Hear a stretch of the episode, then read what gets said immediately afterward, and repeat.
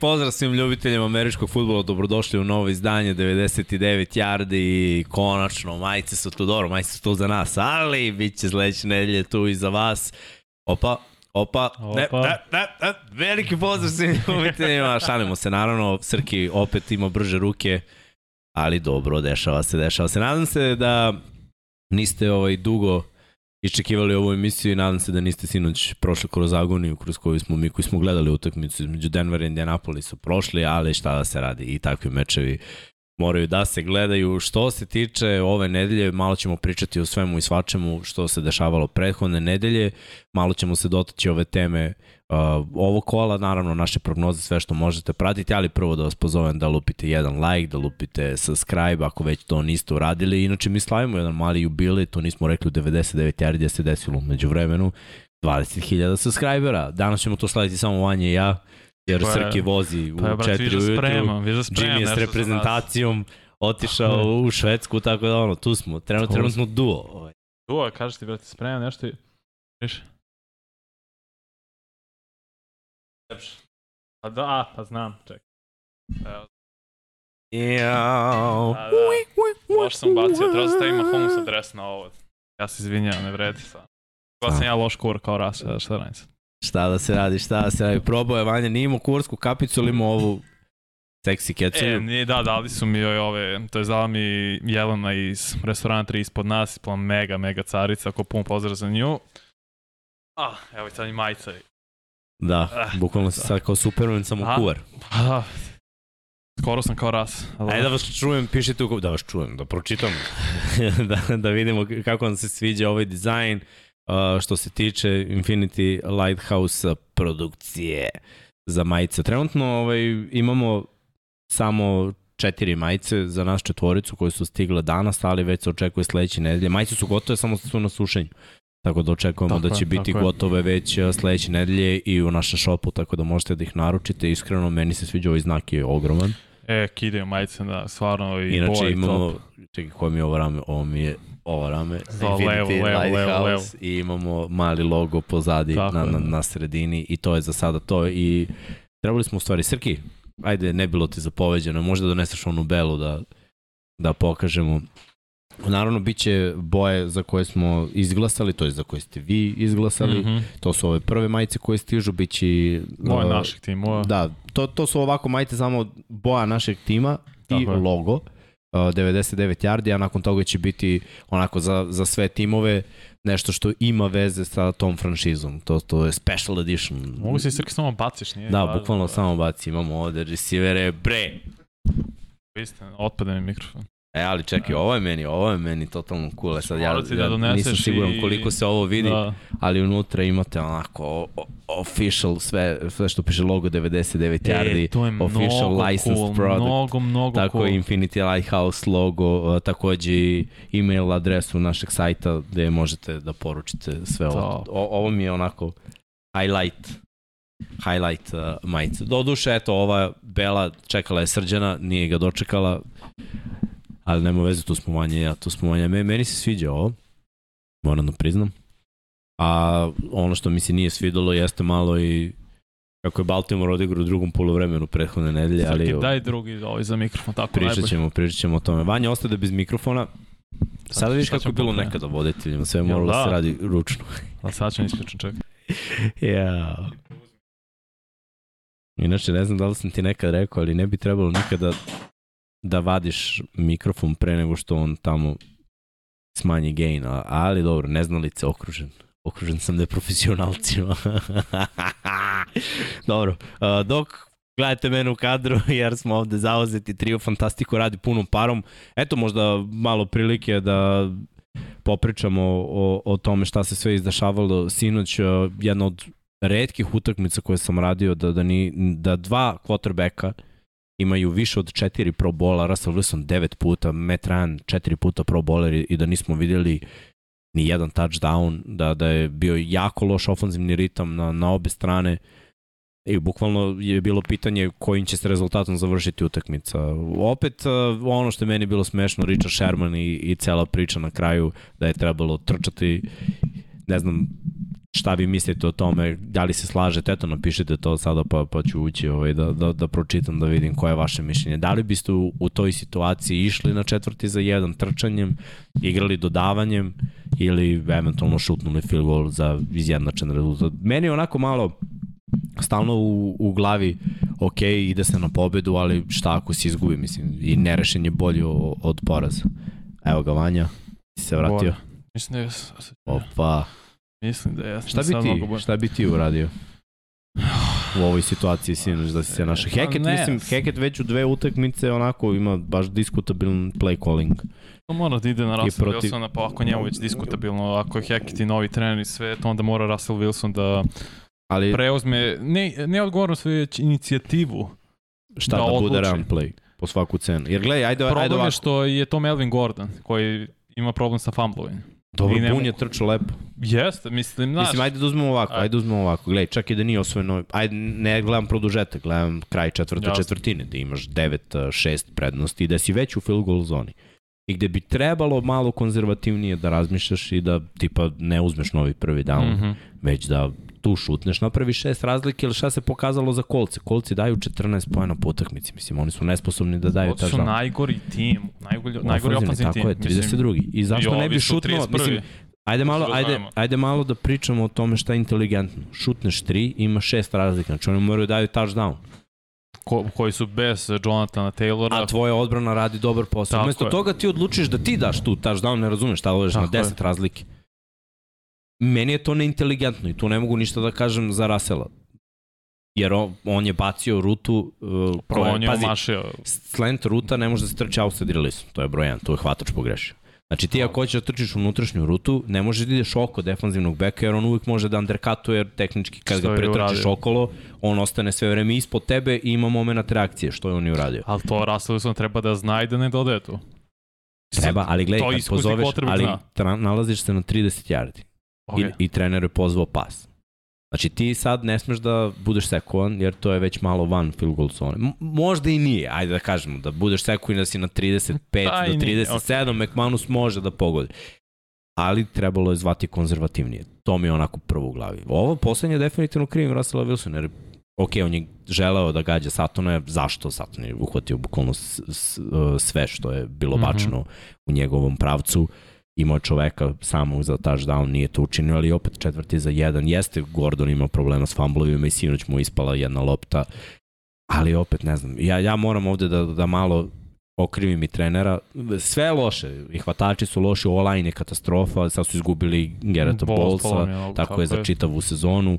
Imaju već povređenog Javonta Williamsa za čitavu sezonu, znači ostali su sa Bunom i sa Gordonom nekako mi je sve dis, disfunkcionalno i na sve to trener nikako ne poziva akcije da malo lakše igračima. To mi je, naj, to mi je onako najveći utisak ostavilo. Ok, Russell igra loše i stvarno igra loše, Metran igra, igra loše. loše igra. I to je činjenica, ali znaš šta, neka treneri pomognu igračima. Mislim, McVe je pomogao Goffu da izgleda pristojno. Da, ma da Goff izgleda i ove godine A, igra vrhunski. Treneri mu, po, treneri mu pomažu, ej, stavljaju ga u dobru situaciju. Gle, prošle godine kako igra Goff, grozno. Ove okay. godine ga treneri stavljaju u bolju situaciju. Aj ovako podelim. Po, uh, procenat krivice. 35% ide na Heketa, 65% ide na Russell Wilson, zato što si ti ta super zvezda quarterback. Tebi su dali tolike silne pare, za tebe su traduli koliko već pikova, to sve znamo da se ne vraćamo na to. I ti na ključnoj akciji, na kraju, Kemler koji je sam, ti nisi gledao u njegovom uh, pravcu uopšte. Ja to nikad nisam vidio da Russell Wilson radi. Da ne vidi prosto jednu čitavu stranu terena, da li sada od ove godine delim je kao da dovodi svoje odluke u pitanje. Pa da više ne želi da pretrpi još jedan dodatno udarac, da drži taj još jedan sekund u džepu da bi ostvario play koji je zapravo pravi. Da, znaš šta, veliki Sve radi na pamet to mi neverovatno da, mi ti veliki, si rekao. Da, veliki pritisak, znaš, da kompletira nešto, da uradi nešto, da na silu isforsira ritam. A mm -hmm. ritam, znaš, u ovom sportu ne može da se desi na silu. Ovde, znaš, okay. jednostavno neke stvari moraš da vidiš, moraju da se dese. I sad ti, ako želiš da uglaviš loptu po svaku cenu, gledaj, mnogi quarterbackovi to rade. Mislim, i Baltimore izgubio utakmicu, ali Lamar po svaku cenu želeo da da da, da, da doćemo to, on Znaš, ono, znam. I nije jedina utakmica, ima mnogo utakmica da gledamo taj poslednji napad, da quarterback po svaku cenu želi da uglavi nešto. to nije dobro. I opet ne, nekad odabir akcija bude baš diskutabilan. Mislim, sinoć je bilo toliko diskutabilnih stvari, naročito ako gledamo posledu u crvenoj zoni. Broncosi su imali jednostavno situaciju koju su morali da reše.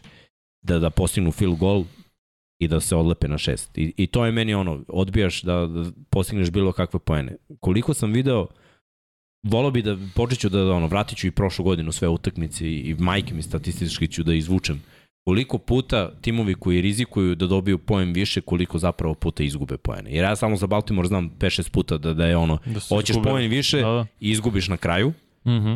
nisu jedini tim. Mnogi timovi tako ka, kada hoće veće izgube i ono izvreće. Ne znam. Wow, lepo. Mogli bi, mogli bi Srki da vidimo thumbnail, vidim ljudi hvale thumbnail, iskreno Jel se pokidali. sviđa? smo. Ne, ovo je kidanje, ovo je baš kidanje. Pera, dolazi, pera dolazi. dominira, znači, a, mislim, ideja je bila Ne, imala Pera tvoje, je da. fenomenalan, stvarno i grafike sve, moram se da ga I pohvalim. baš iskustvo se- trenutno ne pomaže u, u Da, kuhinji. to je ono. Srkev nadnaslov, ali slika, naslov i sve to je meni Pera rekao, Pero, moram neko kuhinju, moram nešto se zapali sada.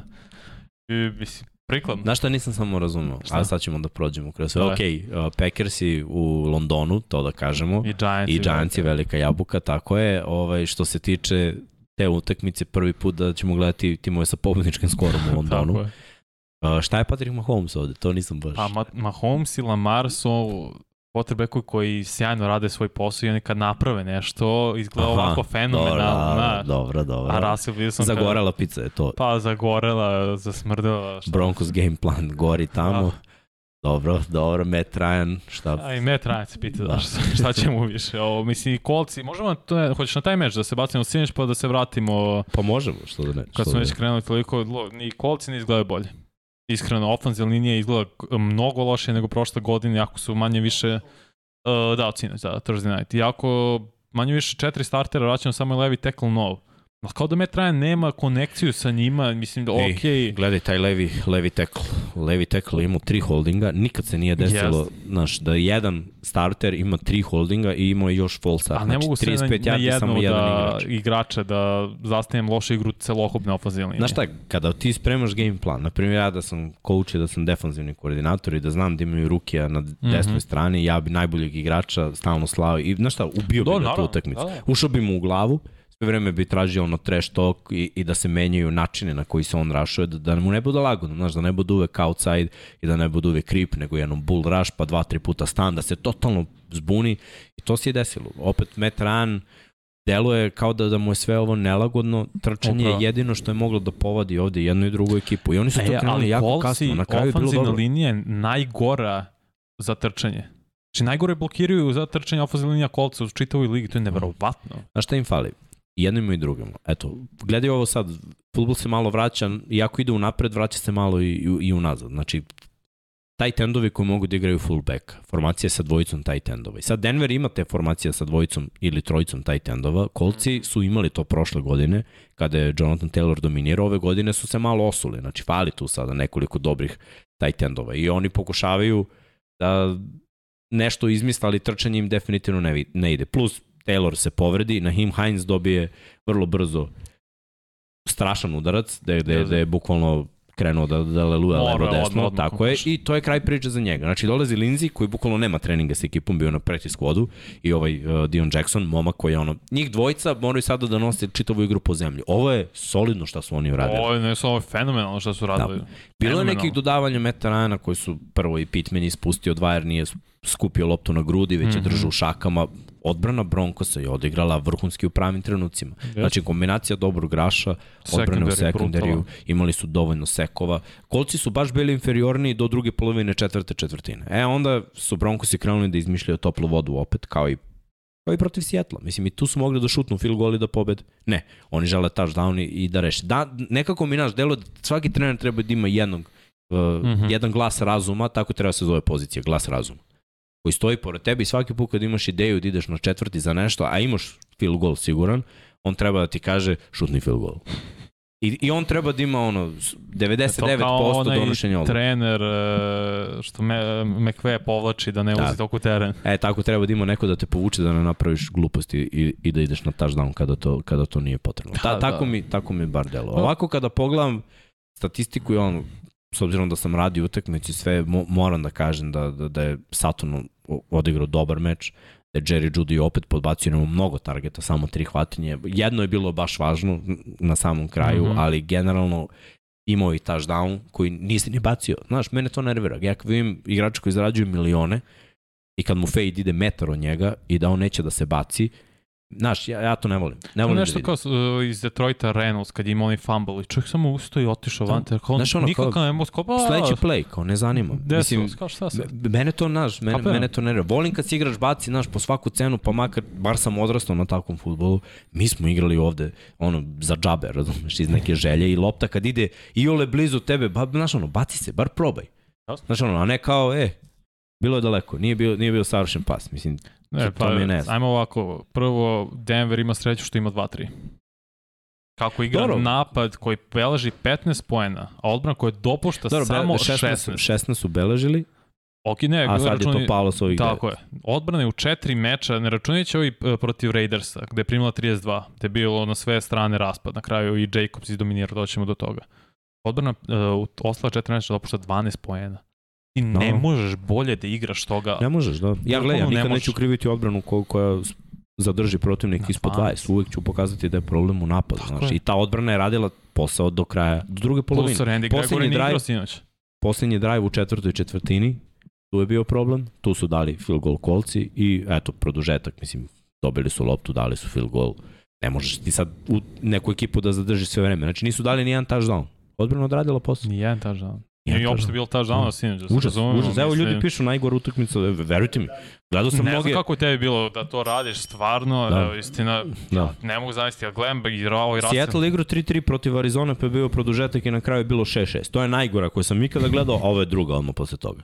2016. su igrali Seattle i Arizona kad je bilo 3-3, da. produžetak, field goal, field goal, 6-6 kraj.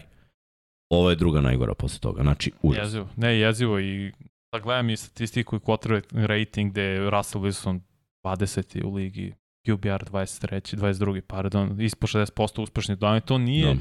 to mora da bude i neka vrsta konekcije sa hvatačima. Ja razumem i povredu ofenzivne linije, ali ta ofenzivna linija i bez bolsa je poprilično dobra, nije katastrofa. Nije kao Ramsey, kao Kolci trenutno i tako dalje, kao Tampa, pošto su svi živi ispovređeni. Ovde samo Bowles povredio, kapiram, nema sa više Jamonte Williamsa, a to nije opravdanje za prethodne meče gde Russell Wilson igrao super protiv Denvera, protiv Raidersa, izgubili su, odigrao je najbolji meč u sezoni. I to je moje mišljenje. Uhvatili je... su neki ritam, ali opet, naš, grozno. malo je slabija bila grozno. odbrana Raidersa, Jeste. a ova kolca je bolja. S druge strane, Broncosi kad su krenuli da padaju defanzivno, kada, kada se po, prvo Darby se povredio, ACL. onda posle i ovaj, ACL, ja? Da, da, ja mislim da je ACL. I ovaj, kako zove, Browning. Uh, Rush. Iza što je rezerva Gregory. Što je i Randy 50, Gregory. 56. Dobro, Gregory nije igrao ovu utakmicu. Da, da, da, da, da, da, dva seka. Da, da, da. Tri, tri raša ima. On je zamenio Gregory, tako je. Pa, Iskido je utakmicu. Ali... To je ono što smo i pričali, povrede, nažalost. Da. Ne, nestaje. Svaki meč se neko povredi i imao neku ozbiljnu povredu i to je najveći problem. No, ne, ne mogu, ne znam šta je, šta je rešenje za Denver sada, nema, to mora da Russell Wilson da sedne pre svega sa svojim hvatačima, sa ofenzivnom linijom, da čiti napad da govore, kaže, ovo je sramotno što mi radimo. Odbrana igra skoro savršeno, a mi se raspali. To je i krivica, kažem, i Heketa i Wilsona. Akcije su jako glupe, Vanja, to moram odmah da ti kažem. Mislim, da znam da ti kažem. To, to, znaš, i opet ta, ja da nemam ideju i da ne ide prve tri utakmice, krenuo bi da menjam. Znaš, to su profesionalci koji moraju to da skapiraju. Mislim, ti da nemaš ni jednu prisnep kretnju u NFL-u danas, kao mladi trener, kao neki inovator, gledaj, on je došao odakle?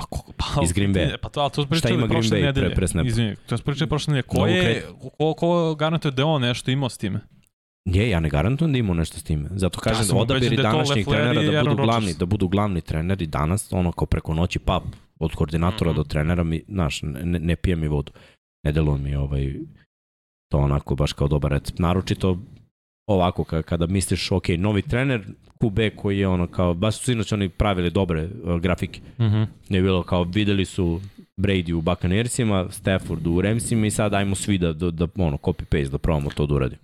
Znaš šta je razlika između ta, te dve situacije ovom? Prvo, Bruce Arians je bio neko vreme trener Tampe ili godinu ili dve pre nego što je Tom došao da. u novi ustanovljen sistem. i hjerarhija zna se ko šta kako. McVay godinama pre nego što je došao, Stafford je bio i odveo te, te iste Rams Super Bowl.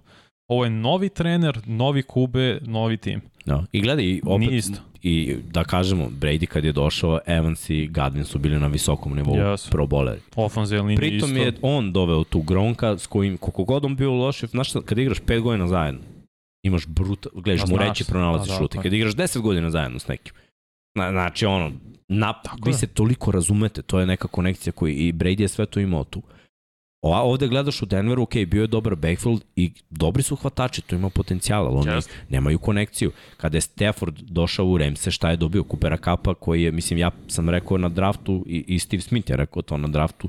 Gledao sam kako trči rute momak, gledao sam šta radi, igra slota, igra s polja, krupanje, najmekše ruke imao na draftu i delovao je kao najkompletniji receiver tada, u tom momentu. Prošle godine pokazalo se, znači on je imao od najbolje hvatača u ligi, onda mu je došao Del Beckham, pokupili su malo tu neke Mhm. konekcije, pre toga je videlo se da, da, da nije štimalo sa drugim hvatačkim opcijama. Russell nema, znači ono, on, njemu ne postoji go-to guy. Njemu go-to guy Portland Sutton, koji do duše, gledaj, posle ovo je bila peta utakmica. On ima preko 400 yardi, to je skroz ok, ovo, će Yes. biti 1000 yardi. Tako ide. Ali svi ostali su onako Nema rupa. hemiju, s- s- ni sa jedni hvatači, to je Judy problem. je ono, najveći bast hvatački meni trenutno. U I poslednje tri godine u, prv, da. u prvoj rundi. Jer toliko priče, toliko hajpa, ništa. Apsolutno ništa. Ne znam, nikakvu hemiju nema. Mislim, Nevjerovatno mi i zašto kirim još Wilsona, video sam, pošto ljudi smatraju da je Wilson top među vrhunskim quarterbackom, video sam prošle godine Rodgersa bez četiri hvatača, povređena ofanzivna linija, ide u goste tada najboljim timu Arizona Cardinals i dobije ih. Da. To radi najbolji quarterback koji Brady, koji je to godinama radio sa hvatačima koji ne, nemaš predstavu ko su. Bukvalno što oni kažu, izvadi ih sa, uh, sa stadiona, kao aj dođi sa ti da igraš. Gledaj, to je, imao.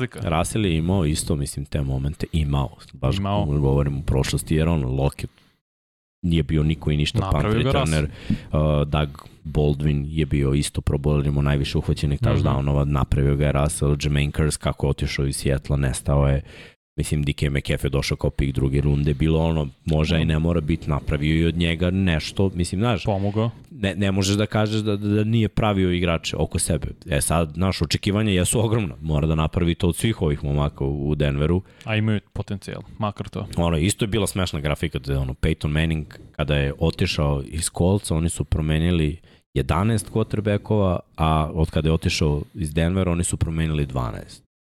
I ono, užas, užas, Da, da, užas. to samo zato što je ovaj povred, ovo to jest povukao se Andrew Luck, ali Dobro, on je trebao bude taj i bio je hej, neko vreme. šta je trebalo, Tako je. ali se nije desilo. Tako da ono, idemo dalje, još jedan podsjetnik, like, subscribe, malo pokrenemo algoritam, vidim imamo vas ovde znam da si 193 video- u live-u. E, sjajno, nas će biti još više. Poslao sam predlog na studio kanalu kako za Patreon da bude video. Pobaci Nisam pogled. je bacit ću. To nije rešenje, to je samo predlog, pa ćemo vidjeti da to završimo. O, da, ništa, ajde možemo, možemo da idemo dalje, možemo da idemo na... Gde hoćeš? So. E, pa tu se nadoveže. Šta da Ok. se vratimo ono, na utakmice koje smo izdvojili, utakmice Pa da. prehodne nedelje. Ok, pa ovo je bio derbi, derbi zapadne divizije AFC-a i ono što smo, mislim, što smo svi očekivali jeste da Raidersi koji na papiru imaju ovakav roster ne mogu da krenu sezonu sa 0-4. Igraju na domaćem terenu protiv Broncosa koji nemaju ofanzivni ritam, ali su na ovoj utakmici zapravo imali ofanzivni ritam. Ono što nije bilo dobro za Raiderse, to što nisu imali apsolutno nikakav pritisak, na ovoj utakmici su imali pritisak. Tako da su se neke stvari popravile. Takođe, jedna stvar koju Raidersi nisu dobro uradili jeste bilo trčanje. Na ovoj utakmici, kao što možete videti, Jacobs je imao skoro 150 Iskreno, yardi, Ličio kao 5 na... po proseku, tako je, dva godine. ali to može uvek da se desi, znaš, ako Raidersi ne pribegnu vrlo brzo prangijanju. A ovo su pribegli trčanje zato što Karu nije išlo prangijanje. Ali, ali gledaj, I to- neće da. mnogim quarterbackom ići protiv ovakvog sekundarija Denvera. o- ovo je dobar game plan. Raidersi moraju da, da se drže ovog game plana. McDaniels isto u New Englandu, kada je forsirao spread, nije bio uspešan, ali tu imao ruku, to je glas razuma, je tako kažemo, Bila Beličeka koji je insistirao na tome da se trči. Nije bitno ko je bek. Imaju talentovane bekove i moglo je da se trči. I ovde, da budemo realni, Jacobs je odradio posao, Jednog mm -hmm. pika prve runde i jednog Apo. ono superstara na, poziciji running backa, što je bio u ruki sezoni i onda je krenulo sve manje i manje i manje. Zašto? Ja mislim da je, kogoda da je trener u Raidersima ima previše potrebu da forsira Dereka Kara, da on bude ono 50 dodavanja Jasno. kotrbe. Ko nije taj kotrbe? Ali ovakvu utakmicu on može da iznese. Znači nije mu ni jedan interception, nije bacio ni jedan touchdown, imao je ispod 200 yardi, ali ekipa je postigla dovoljno poena i sve je to Ekipa, delovalo lepo. Trčali su, imali su 212 yardi trčanja. To je recept za Raiderse. Kako god da je ofenzivna linija očigledno proti za blokiranje, kad je pas u pitanju je loša, a kad je trčanje u pitanju je mnogo bolje. I, i nadam se da ovo nije bilo prinudno rešenje za McDaniels jer je vidio, ok, ne ide njemu, pa da, ajde da probamo trčanje. Nego No. da će biti u buduće za Raiders je bolje, kao ajde da više forsiramo trčanje jer vidimo da je donalo uspeh i napokon smo Mm. pobedili ove godine. To je za njih bilo vrlo važno. Trebalo bi da. S druge strane, Denver se osu ozbiljno na ovoj utakmici. Tu se povredio i Randy Gregory, tu Tako se je. povredio Javonte Williams. Mi smo malo išli u, u napred, ali morali smo prvo da popričamo o ovome što je aktualna tema. Što se tiče ovog meča, zaista opet veliki problemi. Iako je delovalo najbolje ove sezone, nije bilo dobro. Na I kraju opet nije. ti do, ulaziš u ovu utakmicu sa skorom 2-1 protiv I- ekipe koja ima 0-3 Divizija. I jeste divizija i jeste važno, nisi favorit jer oni moraju da pobede njima je to ono, Mhm. očinički poduhvat, tebi nije, ali moraš da budeš relevantan. Mislim, ok, bili su tu negde na posled razlike, ali nije bilo dobro. I umesto da nastave uzlaznom putanjom, znači od ove utakmice da su dali 23 i da su imali touchdownove da se to prenese naravno na sledeću utakmicu, to se nije desilo. Hvala. Tako da je Denver ono bukvalno u bunaru i nisam siguran da, da će ovakvim načinom play callinga, igranja, svega, sa ovim silnim povredama, znači to je bilo, Greg, Tri, povreda četiri startera. Gregorija nije ozbiljna, mislim da će vrati za par nedelja. pa dobro, ali gledaj, i on, i Simons, i malo, malo po malo, ti sa sledeću Mhm. utakmicu igraš bez šest startera, Da, da. bez startnog levo tekla, startnog running backa, start, uh, startnog nickel cornerbacka, bez startnog safety bez startnog E, edge rushera. Mislim, ni, nije malo. Nije, ti kreću polako povredi i to kreću da se ide na odbrani, zašto što sve više i više provodi vremena na terenu, jer napad nije sposoban da ustanovi 3, 4, 5 drive-a konstantno, nego bude često van and done. Da. To je 3 and out zapravo. Pazi, za Raiders je super stvar. Prva pobeda. E sad Da. ide veliki derbi za njih. Znači to je Monday night, Kansas City, ono, rival koji je ono, da kažemo Ne ne, pobedi, dobili su ih jednom. Ono, I to su i pričali, ako ih ne dobijemo Vozili, svake godine tako. po jednom, nije rivalstvo. Ali ovde sada, naš, Chiefs imaju si dobru situaciju, Mhm. izgubili su samo od kolci to na neku glupost. Njihovu glupost. Da, bukvalno, ali opet, znaš, oni ako žele da ostanu na vrhu AFC-a moraju da dobiju, ako ih Raidersi pobede, ova divizija i AFC čitav postaje još zanimljiviji, tako da bit će Da, lepo. Ovde su odradili, ovde su odradili svoj posao i, i meni je to skroz okej. Ekipa misliš koja da ima ovakvom 0-3 igrom- saterana uza zid mora da pobedi, Mora. odradili su to. Nije bilo ono savršeno, ali je bilo dovoljno. Nevažno, ne mora bude savršeno, Znaš. mora samo da bude, da se desi ta pobjeda. Kao prvo polovreme protiv Arizona im je bilo savršeno i mislim Ništa. izgubili su tu utakmicu. Pitanje je sad da li mogu ovako da igraju protiv Chiefsa, ovom igrom da ih pobede. Mm, gledaj, Pa- ja mislim da ne mogu. Ja nikad mislim ne možeš, da Kar da, mora da možeš ima par dodavanja, Da. po, se poveže. Sve zavisi, znaš. Bolji recept protiv Chiefsa jeste da držiš, da trčiš i da Mahomes i napad Chiefsa bude Mhm. više u auto. Jer ti ako uđeš u, tu rafalnu paljbu s Chiefsima, to obično ide njima na ruku. Imaju već godine iskustva igranja takvih utakmica. Oni imaju, znaš, ono, svoj ritam, kao u košarci, znaš, kad neko ima svoj ritam i uvučete u taj ritam, ti više, ono, ispadneš, Da, da. znaš, to je kao igraš protiv Golden State. Oni te uvuku u taj ritam prangijanja trojki, brzog trčanja i ti kad uđeš u njihov ritam, redko da. ko može da isprati to. Ali ako ih usporiš, i ako ih ono smoriš, razumeš, imaš neku šansu. Tako da njima game plan treba da bude ovo. Trčanje, sigurna dodavanja i šta je krucijalno. Red zone possession, touchdown. Jer ako budeš tradeo, to kao nekad, se, ako se sećaš kad je Peyton Manning prešao tek u Denver. Dobro. Sve ekipe kada su bile u crvenoj zoni išle su, ono, mora bude touchdown. Zašto će ovi da daju touchdown? Znaš da igraš protiv napada koji ono uvek daje touchdown u crvenoj zoni i ti ako menjaš touchdown za field goal, nećeš moći da održiš korak tokom čitave utakmice. To su bukvalno Chiefs trenutno Mahomesom. Jako nije to izgledalo tako, pronalaze dobra rešenja. I oni su počeli da trče, što je Tako isto, isto zanimljivo. Možda se ali, prebacim baš na taj meč, Chiefs i Buccaneersi. Šta kaže? Pozdrav. Opa, veliki, veliki pozdrav, hvala puno. Don Pablo će najviše da se oduševi kao navijač Raidersa za to. Do, da- Dom Pablo slavi prvo pobjeda. Slavi, slavi. Dobro, pazi, ovo je bilo meni očekivano. Moralo. E, da, da. Jedan od derbija prošle nedelje jeste u Chiefs i protiv Buccaneers. U Tampi, gde, misli, eto, ta igra trčanje Tampe, neverovatno, prosto u jednom momentu na pol, na pol vremena imaš minus 3 yardi trčanja, završiš sa svega 3. Ajde da se to nije desilo sad za Ta- Tampi. To se bukvalno desilo prošle godine To se protiv desi Saintsa. svaki godin. Jednom. I pre dve godine se desilo. Ali Da. da. da ti kažem ovako jednu stvar. Kada kreneš utakmicu, nema opravdanja naravno.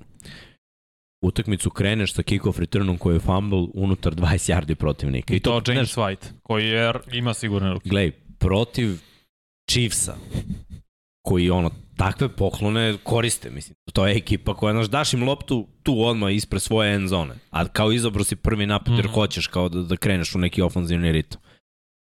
To je već ono, ve, već je problem. Već sledeći tvoj drive, ti si u nekoj panici da moraš da juriš rezultat, ali ne znam zašto. A Miksa nije to je tolika uvek- panika. Ne, ne, ne, njima jeste, meč. Vanja, njima jeste.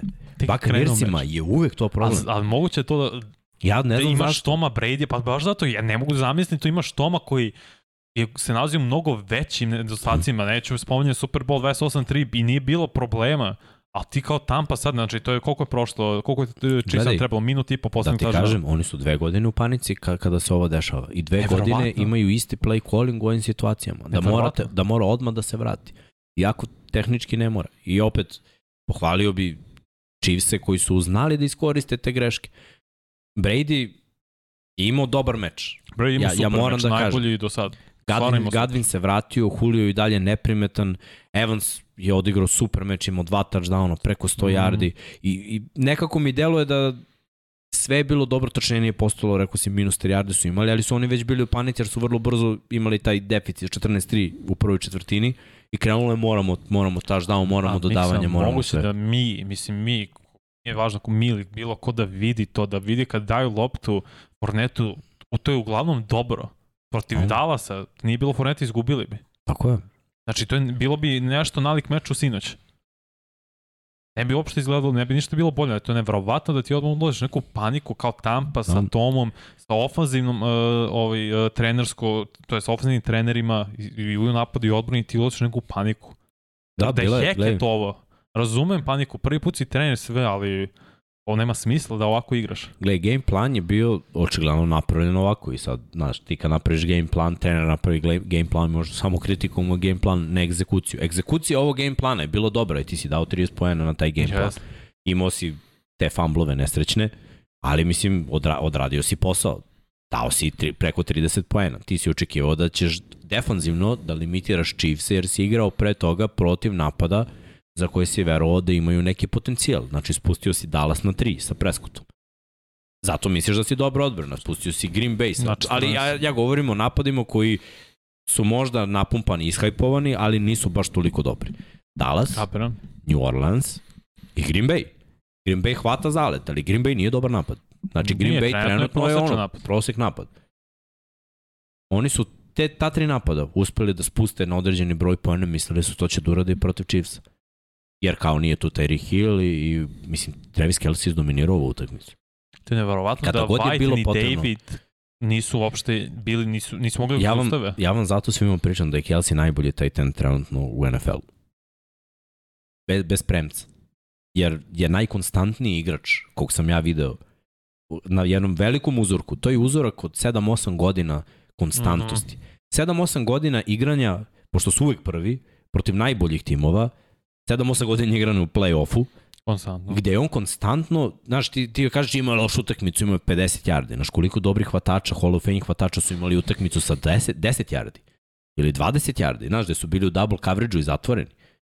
Kelsey jednostavno ima taj osjećaj za, za pronalaženje prostora, ima savršene finte, mekane ruke. Znaš šta je on uhvatio dve lopte na ovoj utakmici? Ja potpisujem od najboljih hvatača, top 10, da petorica ne bi možda uhvatili ono što on hvata sa svojom visinom i, i težinom, jer, jer Konstitucijom, jednostavno po, posjeduje nešto što je redko, jako Samo redko. 3, 4 ili 4 tight enda imaju uz njihovu karijeru više yardi sada od Kelsija. Tako je. Shannon Sharp, Antonio Gates, Gonzales da ima najviše. Gonzalez, da i još neko, fali možda je Mislim da je Gronk Vitan. ili Jason Witten. Da. A on još ima da igra. Da, da. Ne, ne, ne, ne, ne nerealan igrač. Mislim, Tampa nije imala rešenje za to. Rashim je bio malo slabiji, Mahomes se brzo oslobađao lopte. Trčanje je bilo dobro, Holmes I Edward potez, je- ono, mislim, Da. ne mogu da krivim Tampu za neke poteze, jer Tako to je. nikad nisu videli. On je bio jedan od najboljih, baš smo Sean i ja smo ono, se smejali u prenosi. Znaš ono, kad gledaš nešto i, i lepo ti, uživaš. Da, On, to je bilo to, ali ti to znaš da ide. Znači, kupio je previše vremena i znaš kada krene napred, da, da su svi već videli kako trči touchdown i da će to je instinkt. Znaš, Si dva, tri igrača, na te, i, to u NFL meču da neko uradi rolling quarterback. Da. Gledao sam Michael Vicka godinom koji je radio, ali znaš, Michael Vick je imao moment ograničenosti, da na jednoj utakmici napravi to, na sledećoj utakmici ono napravi nešto još luđe i onda treću utakmicu se povredi ili baci dva i tri intersepšena. Znaš, Mahomes je konstantno prisutan, konstantno u vrhu i pokazuje, znaš, da može da se igra i, sa velikim promenama. Mislim, ima iste trenere, ima maltene sličan koncept u napadu, više se oslanja na running backove, bar je to bilo na ovoj utakmici, što je bio potpuno uspeh, onaj Pačeko dečko igra kao, kao, Ruki, da. kao besan. man. I to, to je nešto što se meni sviđa. Falio im je takav bek. Edward Hiller je finesa. Falio im je neko ko je besan. Kad su imali Hanta, bili su, po mom mišljenju, najkompletniji tim, Dobro. jer Hunt je besan. Znači, musi besnog running backa, hvatača koji trči 4-2 i Kelsija. To je meni bilo ono, pff, vrh Da. nečega što sam Ne, gledao. u moram pohvalim, pohvalim i ofenzivnu liniju ko Creed Humphrey igra kao najbolji centar, najbolje ocenjen, tu isto igra Da. vrhunsko na levom teklu, znači na levom gardu, znači levog tekla do centra to Da, Orlando. Brown, Brown igra onako, nije, nije, nije na vrhuncu. Ali, Nije još, ali, da ofenzivna kažemo, linija kao kompletan unit, što bi rekli, Odbrana me više, naš, oduševljava, odbrana je odradila i na ovoj utakmici dobar posao. Da, Iako su dozvolili veliki broj poena, mislim da, da je bilo malo kalkulisanje, jer su sve vreme imali dva poseda prednosti. mhm. Na kraju krajeva, šta, šta bih rekao, dobro je za Tampu da imaju ofenzivni ritam u NFC-u gde se svi timovi muče osim File. Dobro, i u napadu se Detroit ne muči, da se razumemo. Da. Da, Vidi žuda, ali... i to je istina. Ali uglavnom, gledaj, Jeste. uglavnom se svi timovi muče. Da, da. Za Tampu je skroz ok imati ovakav meč. Mislim, bolje je, vidio si kada vratiš hvatače, da to nije ekipa koja daje 12 pojena, nego može da da 30. E sad je naravno i napad, ovo je timski sport, i onda i Mora napad sve, i odbrana i specijalni tim moraju da budu na visini zadatka. Jedan te izda i, i to je obično Pa, to. samo ću dodati za ovaj meč uh, Mahomes, jedino što fali Mahomesu sad jesu to da ima mnogo yardi. I to je ono što, to je nedostatak Hilla, da on nema tu boom jedno 60-50 yardi da pređe tih 300.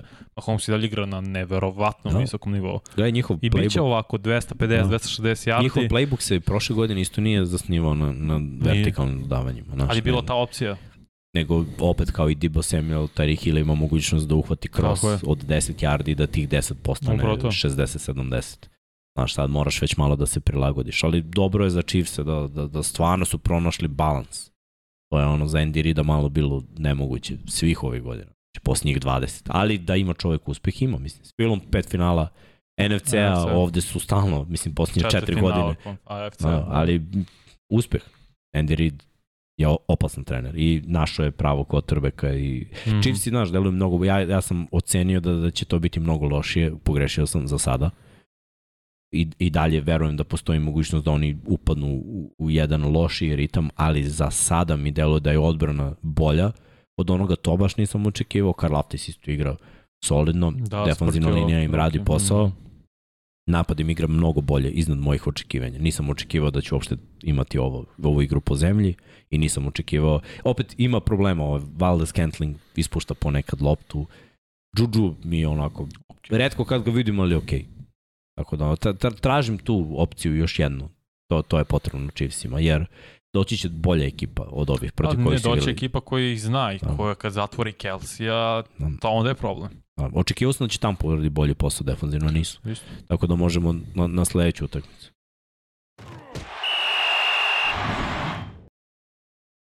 Titansi protiv Kolca i ovo je bilo Mislim, Uf. da, da kažem, očekivao sam da će Chiefsi dobiti Tampa, očekivao sam da, da će Titansi rešiti kolce, zato što su kolci u jako lošem ofenzivnom ritmu. Sad Titansi ne blistaju, Ali oni bar imaju svoj identitet i imati identitet je vrlo važno. Kolci godinama pokušavaju da igraju futbol koji odgovarao Andrew Laku, to je moje mišljenje. I onda kad je ušao Rivers koji ima sposobnost da doda, bilo je sezona od 11 pobjeda. Pa onda došao Brissett i onda je bila katastrofa. Pa je bio Carson Wentz, pa je bila katastrofa. Oni nisu Andrew Luck.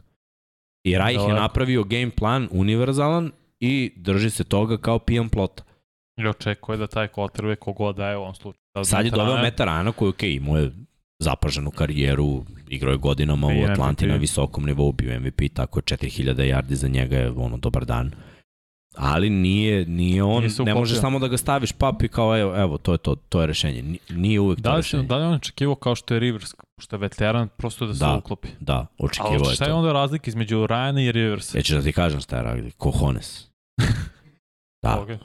Philip Rivers. Dobro znam. Do kolena.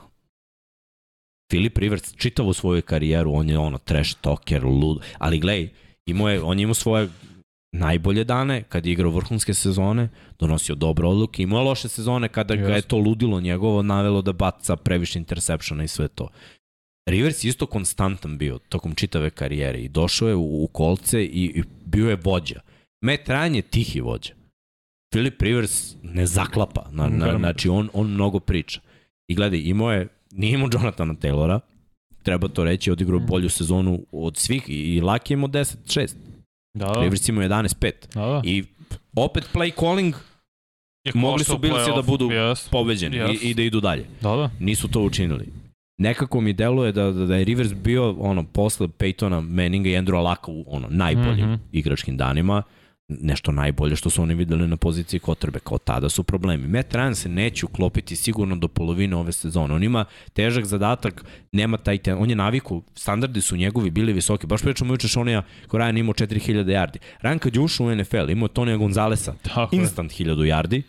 Imao je Julio Jonesa, ono, zver sa, sa Alabama, imao je Rodi Vajta koji je bio pro bowler i koji je imao ono, vrhun, ono, 1000 yardi i za njega bilo lagano. Posle došao Ridley, eventualno i tako to, ali imao je brutalna opcija. Uvek je, je imao da kažeš, bar dvojicu od 1000 yardi. Sada je došao ovde da on mora da napravi pitmena na 1000 yardi i nema ko drugi da ima 1000. Mislim, nema. trenutno mi ne deluje nema, nema, da, da su da, našli nema. drugu opciju. Ovaj mali dečko, uh, da, kako je on? Ruki, ovaj, je Philips. Mm, Moguće. što je sinoć imao vrhunsku utakmicu, on onako polako se tu kao ističe kao opcija broj 2. To samo naznake trenutno nije. Ali za Meta Rana to nije ono, znaš, kad je igrao s Hulijom, to je bacio loptu tamo negde. Zna. Zna ko će da uhvati. Tamo negde. Znaš, čak nije potrebno da bude previše precizno, nego je bilo ono, tamo negde. Da. I Huli, Julio je rešavao te probleme. Pa rukom srce Matt Ryan je igrao, sad ovo prethodni meč protiv Tennessee, dobro, tiče dodavanja previše fumblova, imao 9 do sad fumblova u sezoni. I sinoć imao dva. I sinoć je dva, sad i sinoć 11. Previše gubi lopte. I, to I dva intersepšena još dodao sinoć. Da. I znači to dva intersepšena, dve, dva fumbla, znaš, ja to... Izgubljene lopte je razlog i ključno zašto je Tennessee dobio. Ništa Tennessee nije bolje igrao. Te dve nije. izgubljene lopte ti je jedan posed da. minimalno, oni su dobili 24-17. Tako je. Tennessee igrao samo jednu stvar bolje, znaš. I možemo da vidimo opet statistiku, da, da uporadimo samo trčanje. Jer njima je to identitet. Očigledno znaš, ti da je Taylor imaš... povređen. I Tako bio je i tad već Tako roviti, je. ne može da ide. Tako je. I ne treba ga ni forsirati, sad je povređen na duže. U, u tim situacijama uzmeš sledećeg beka. Ne forsiraš super zvezdu koju imaš. Ako, znaš ti forsiraš dodavanja, forsiraš ofanzivni ritam, forsiraš running back. Mnogo forsiranja. S druge strane, znaš, Derrick Henry je identitet ove ekipe, imao 5 yardi po nošenju. Protiv ove odbrane kolci imati ovu statistiku, 5 yardi po nošenju. Da nije Leonard izašao sa tog meča, sa povratom? Nema veze, ej. Ne, ne, opet Gledaj, kažem, ali... Odbrana kolca, kad gledaš samo ovaj front, Legit je. znači sinu, sinu se povredio Quitty Pay. Ozbiljno nešto. Ali igrao je na ovoj utakmici. Imaju DeForesta Bucknera, imaju opet u Kiriki igra jako dobru igra. rolu, imaju dovoljno dobrih igrača u defensivnoj liniji da ovo trčanje ne prolazi ovoliko. Ko je GM Ballard, je li tako? Mislim, ne, da nije Irsi. A za koga pričaš? Za kolce. Jim Mercy, zar nije on vlast? Irsi, ja mislim da je... Mo, možda grešim. Neka napiš neku komentar, ja sam mislim da je Chris Ballard. Hm? Da. Alec Pierce. Pierce je... Uh, nevažno, kogod je GM, na, ispravit će nas u komentarima, radi fenomenalan posao. ne samo draftovanjem na visoke e, prva, druga runda, ne, i u kasnim rundama očigledno kao što je uh, kao što je slučaj sa 49ersima koji po meni imaju jedan od najboljih rostera, jako im fale nekoliko startera, mm. Lynch i ovaj čovek da biraju. Znaju, znaš, ali nije, nije to nekad dovoljno. Evo sada nije. i isto imaju ogroman problem s povredama i oni su se osuli. Yes. Mislim, gledaj, ni Tennessee nema neku bolju priču i njima je Luan povređen bio, znači igraju bez startnog levog tekla, u odbrani su ostali bez Landrija, Tako je. koji je imao prošle godine vrhunsku sezonu, znači pustili su čitav sekundari od pre nekoliko godina, ali imaju trenera sistem identitet i ovde su nekako Tenehill je igrao ono, dovoljno. To, to je ono što se traži od Tenehilla, da igra njegovo, dovoljno. Tako je bez izgubljenog. Nemoj samo da gubiš da. loptu i to je to. Tako je. I to je, to je nekako na kraju bilo do 24-17. Znači ona kad se pogleda, baš ono old school utakmica, ni, ništa nije tu yes. bilo uh, vrhunski. Znaš šta, iskren da budem, ovo su ekipa sa Juga AFC-a. No, vidimo di, uh, diviziju da. AFC Jug. Jaguarsi, ljudi mi deluju bolje od obe ove ekipe. Jug, da, AFC South. Dagi P, Dagi P je odradio brutalan posao. Jaguarsi su na prvom mestu, a Jaguarsi su igrali ovu utakmicu protiv ono File, koja je institucija izgubili trenutno. Izgubili su, iako su vodili u jednom momentu koliko 14-0 je bilo, da. izgubili samo što je Lorenz imao četiri fumble. Mislim, ali to samo Glej, pokazuje odbroj... snagu Filin odbrana. Mislim, možemo da pređemo taj meč, čini se da imamo Eagles i protiv File, da se nadovežemo na ovo Eagles protiv File, Eagles i protiv Jaguarsa. Jel nemamo, i nismo izvojili? Eh, da, šteta. Nema veze, nema veze. Možemo, pričat ćemo, da, da. pričat ćemo posle. Sve u svemu, i, imamo i, i tragičarov i tu nam mm, je mm, tako, pa, da. Lawrence. Ali opet, naš pobeda protiv Kolca ubedljiva. Imaju skor 2-2. Protiv Chargersa isto. Znaš, da. ba, ba, baš mi deluju kao, kao da ono, mlad su tim koji hvata zalet, mlad su tim koji bi mogao ovde na, na iznenađenje u diviziji da napravi probleme. Tennessee ima kulturu dobru, ima dobar sistem, i obe ekipe su mi ispred Colts. Coltsi delo da se neći, znaš, koji oni, koji Denver? Trenutno su u Bunaru, u AFC-u, koji je ne, on pun boljih manje, ekipa koji izgledaju bolje. Manje loši tim je sinoć dobio. Da. Bokno, to je to. Hoćemo dalje, Srki. Evo vidimo ljudi, hvala, hvala ljudi za, za grafike Pera. Pa, pera, pera je ono. Pera iskidno. Insistirali smo na tome da, da ove grafike budu bolje, to nam je bio zadatak za off-season i imali smo nekoliko onako probnih grafika. Presno. Hvala vam i vama što ste učestvovali da, da kažete da, da vam to ne pije vodu i bili smo usmereni onako kako je trebalo i našli smo Aha. rešenje i iskreno ja kad ih vidim ovako, ovako Sviđa ovaj detalj zato što je oktober. Da, da, da, sve, ej, svaki detalj, znači bukvalno. Da, da, da, da. Svaki detalj. I umesto et, naš logo i da, konačno da, da, imamo pravo da koristimo logo timova tako i, je, tako i to je isto jako važno. Remsi protiv 49ersa, ovu utakmicu sam radio. Ovo nisam ovaj, očekio, iskreno. Nisam ni ja, da, ali kako da ti kažem, podbačaj je bio Remsa na, na nekoliko frontova. Možda krenemo Nisam očekivao sa, da mi što... opišeš liniju Ramsa. Mogu. Ja sam pričao u predsezoni, to će biti problem. I neverovatno da, je da... Ali to je ups and downs, tak, tako igra ofenzivna linija Rams. Igrao Znam, je... jednu utakmicu, to je roller coaster. A to ne jednu ti znaš sam to ne očaj, tako. Jednu utakmicu sjaj. E sad, Protiv... na ovoj, na ovoj utakmici šta, šta je bio meni prvi problem? Uh -huh. uh, I dešavaće se tokom sezone jer McVay ne zna to da radi. McVay je jednog beka imao kog je forsirao i taj bek je bio uspešan dok se nije povredio. To je to zgralo. Okay. Tad su Ramsi bili najbolji napad u ligi. Kako se on povredio? McVay ne zna da izabere, ako već igra hot hand, on ne zna da izabere hot hand. Kao da njemu to ne znači ništa. On šeta Akersa i Hendersona to, toliko da ni jedan od njih nije uspešan. Mm -hmm. Niti im daje dovoljno nošenja, niti kada prepozna da jedan ima onako malo bolji ritam, to trener mora prepoznati. Isto u košarci, da uvijek dajem poređenje sa, sa drugim sportom. Ti u košarci kada vidiš da je jedan back shooter raspoložen, ne staviš ga na klupu kada da tri trojke. Je tako? Ostaviš ga u igri jer je on u seriji. Znaš šta mi delo? Da McVay slepo prati svoj game plan, ono što je on napisao. To što ti kaže, on nema osjećaj da to, ono, ne, ne zna kako to da vidi, ni dosta kao, ok, ovo mi ide super, ajde ga ne menja, nego on ima svoj game Oni plan, su, vrti to, pa kao ide. Mladi treneri su robovi statistike. To je ono što se meni ne sviđa. Nemaju osjećaj, mislim, imaju oni osjećaj da naprave akcije i sve to, ali nemaju osjećaj da vide uh, i da prepoznaju nešto. Zato uvek imaju nekog asistenta trenera koji je tu da, da, da mu ono, ej majstore, čekaj, ajde malo da razmislimo kome ide, šta vidiš. Znači ti u game planu, ako napraviš, na primjer, gledaš koliko procentualno Cooper Cup u odnosu na target ima hvatanja, ajde da kažemo 70%. Ti ako napraviš game plan da Cooper Cup ima 20 targeta, ti znaš koliko će onda ima hvatanja na kontu toga da je 70%, je tako? I on uvijek ima. I otprilike ima. I ti računaš i praviš akcije dizajnirane za odbranu koju vidiš u odnosu na situacije koliko je jarde na kom pokušaju za te targete. Ali ti moraš da ispucaš te targete u toku utakmice. Nekad ne treba igrati tako, znaš. Nekad dođeš u situaciju onda da, da, da je to pogrešno. Je Imali su, dobre, imali su dobar plan za skrinove za Higbija. Stvarno dobar plan, zato što su 49ersi preagresivni. Te akcije su rešavali uspešno. Ej, Nisu Greenlaw imali- Warner, Da. du. Gledaj, 49ersi imaju dobru odbranu, to svi znamo. Ovaj game plan je bio Cooper Cup sam. Cooper Cup sam i ako trčanje pukne, Cooper Cup i Higby. Ne možeš da napraviš game plan za utakmicu na dva hvatača. Dodavanja za Robinsona su bila toliko loša. Znači sad ljudi će kao, ja da, Robinson nije se pojavio. Ljudi, ovo su stvarno bila loša dodavanja. imao šest targeta i dva hvatanja.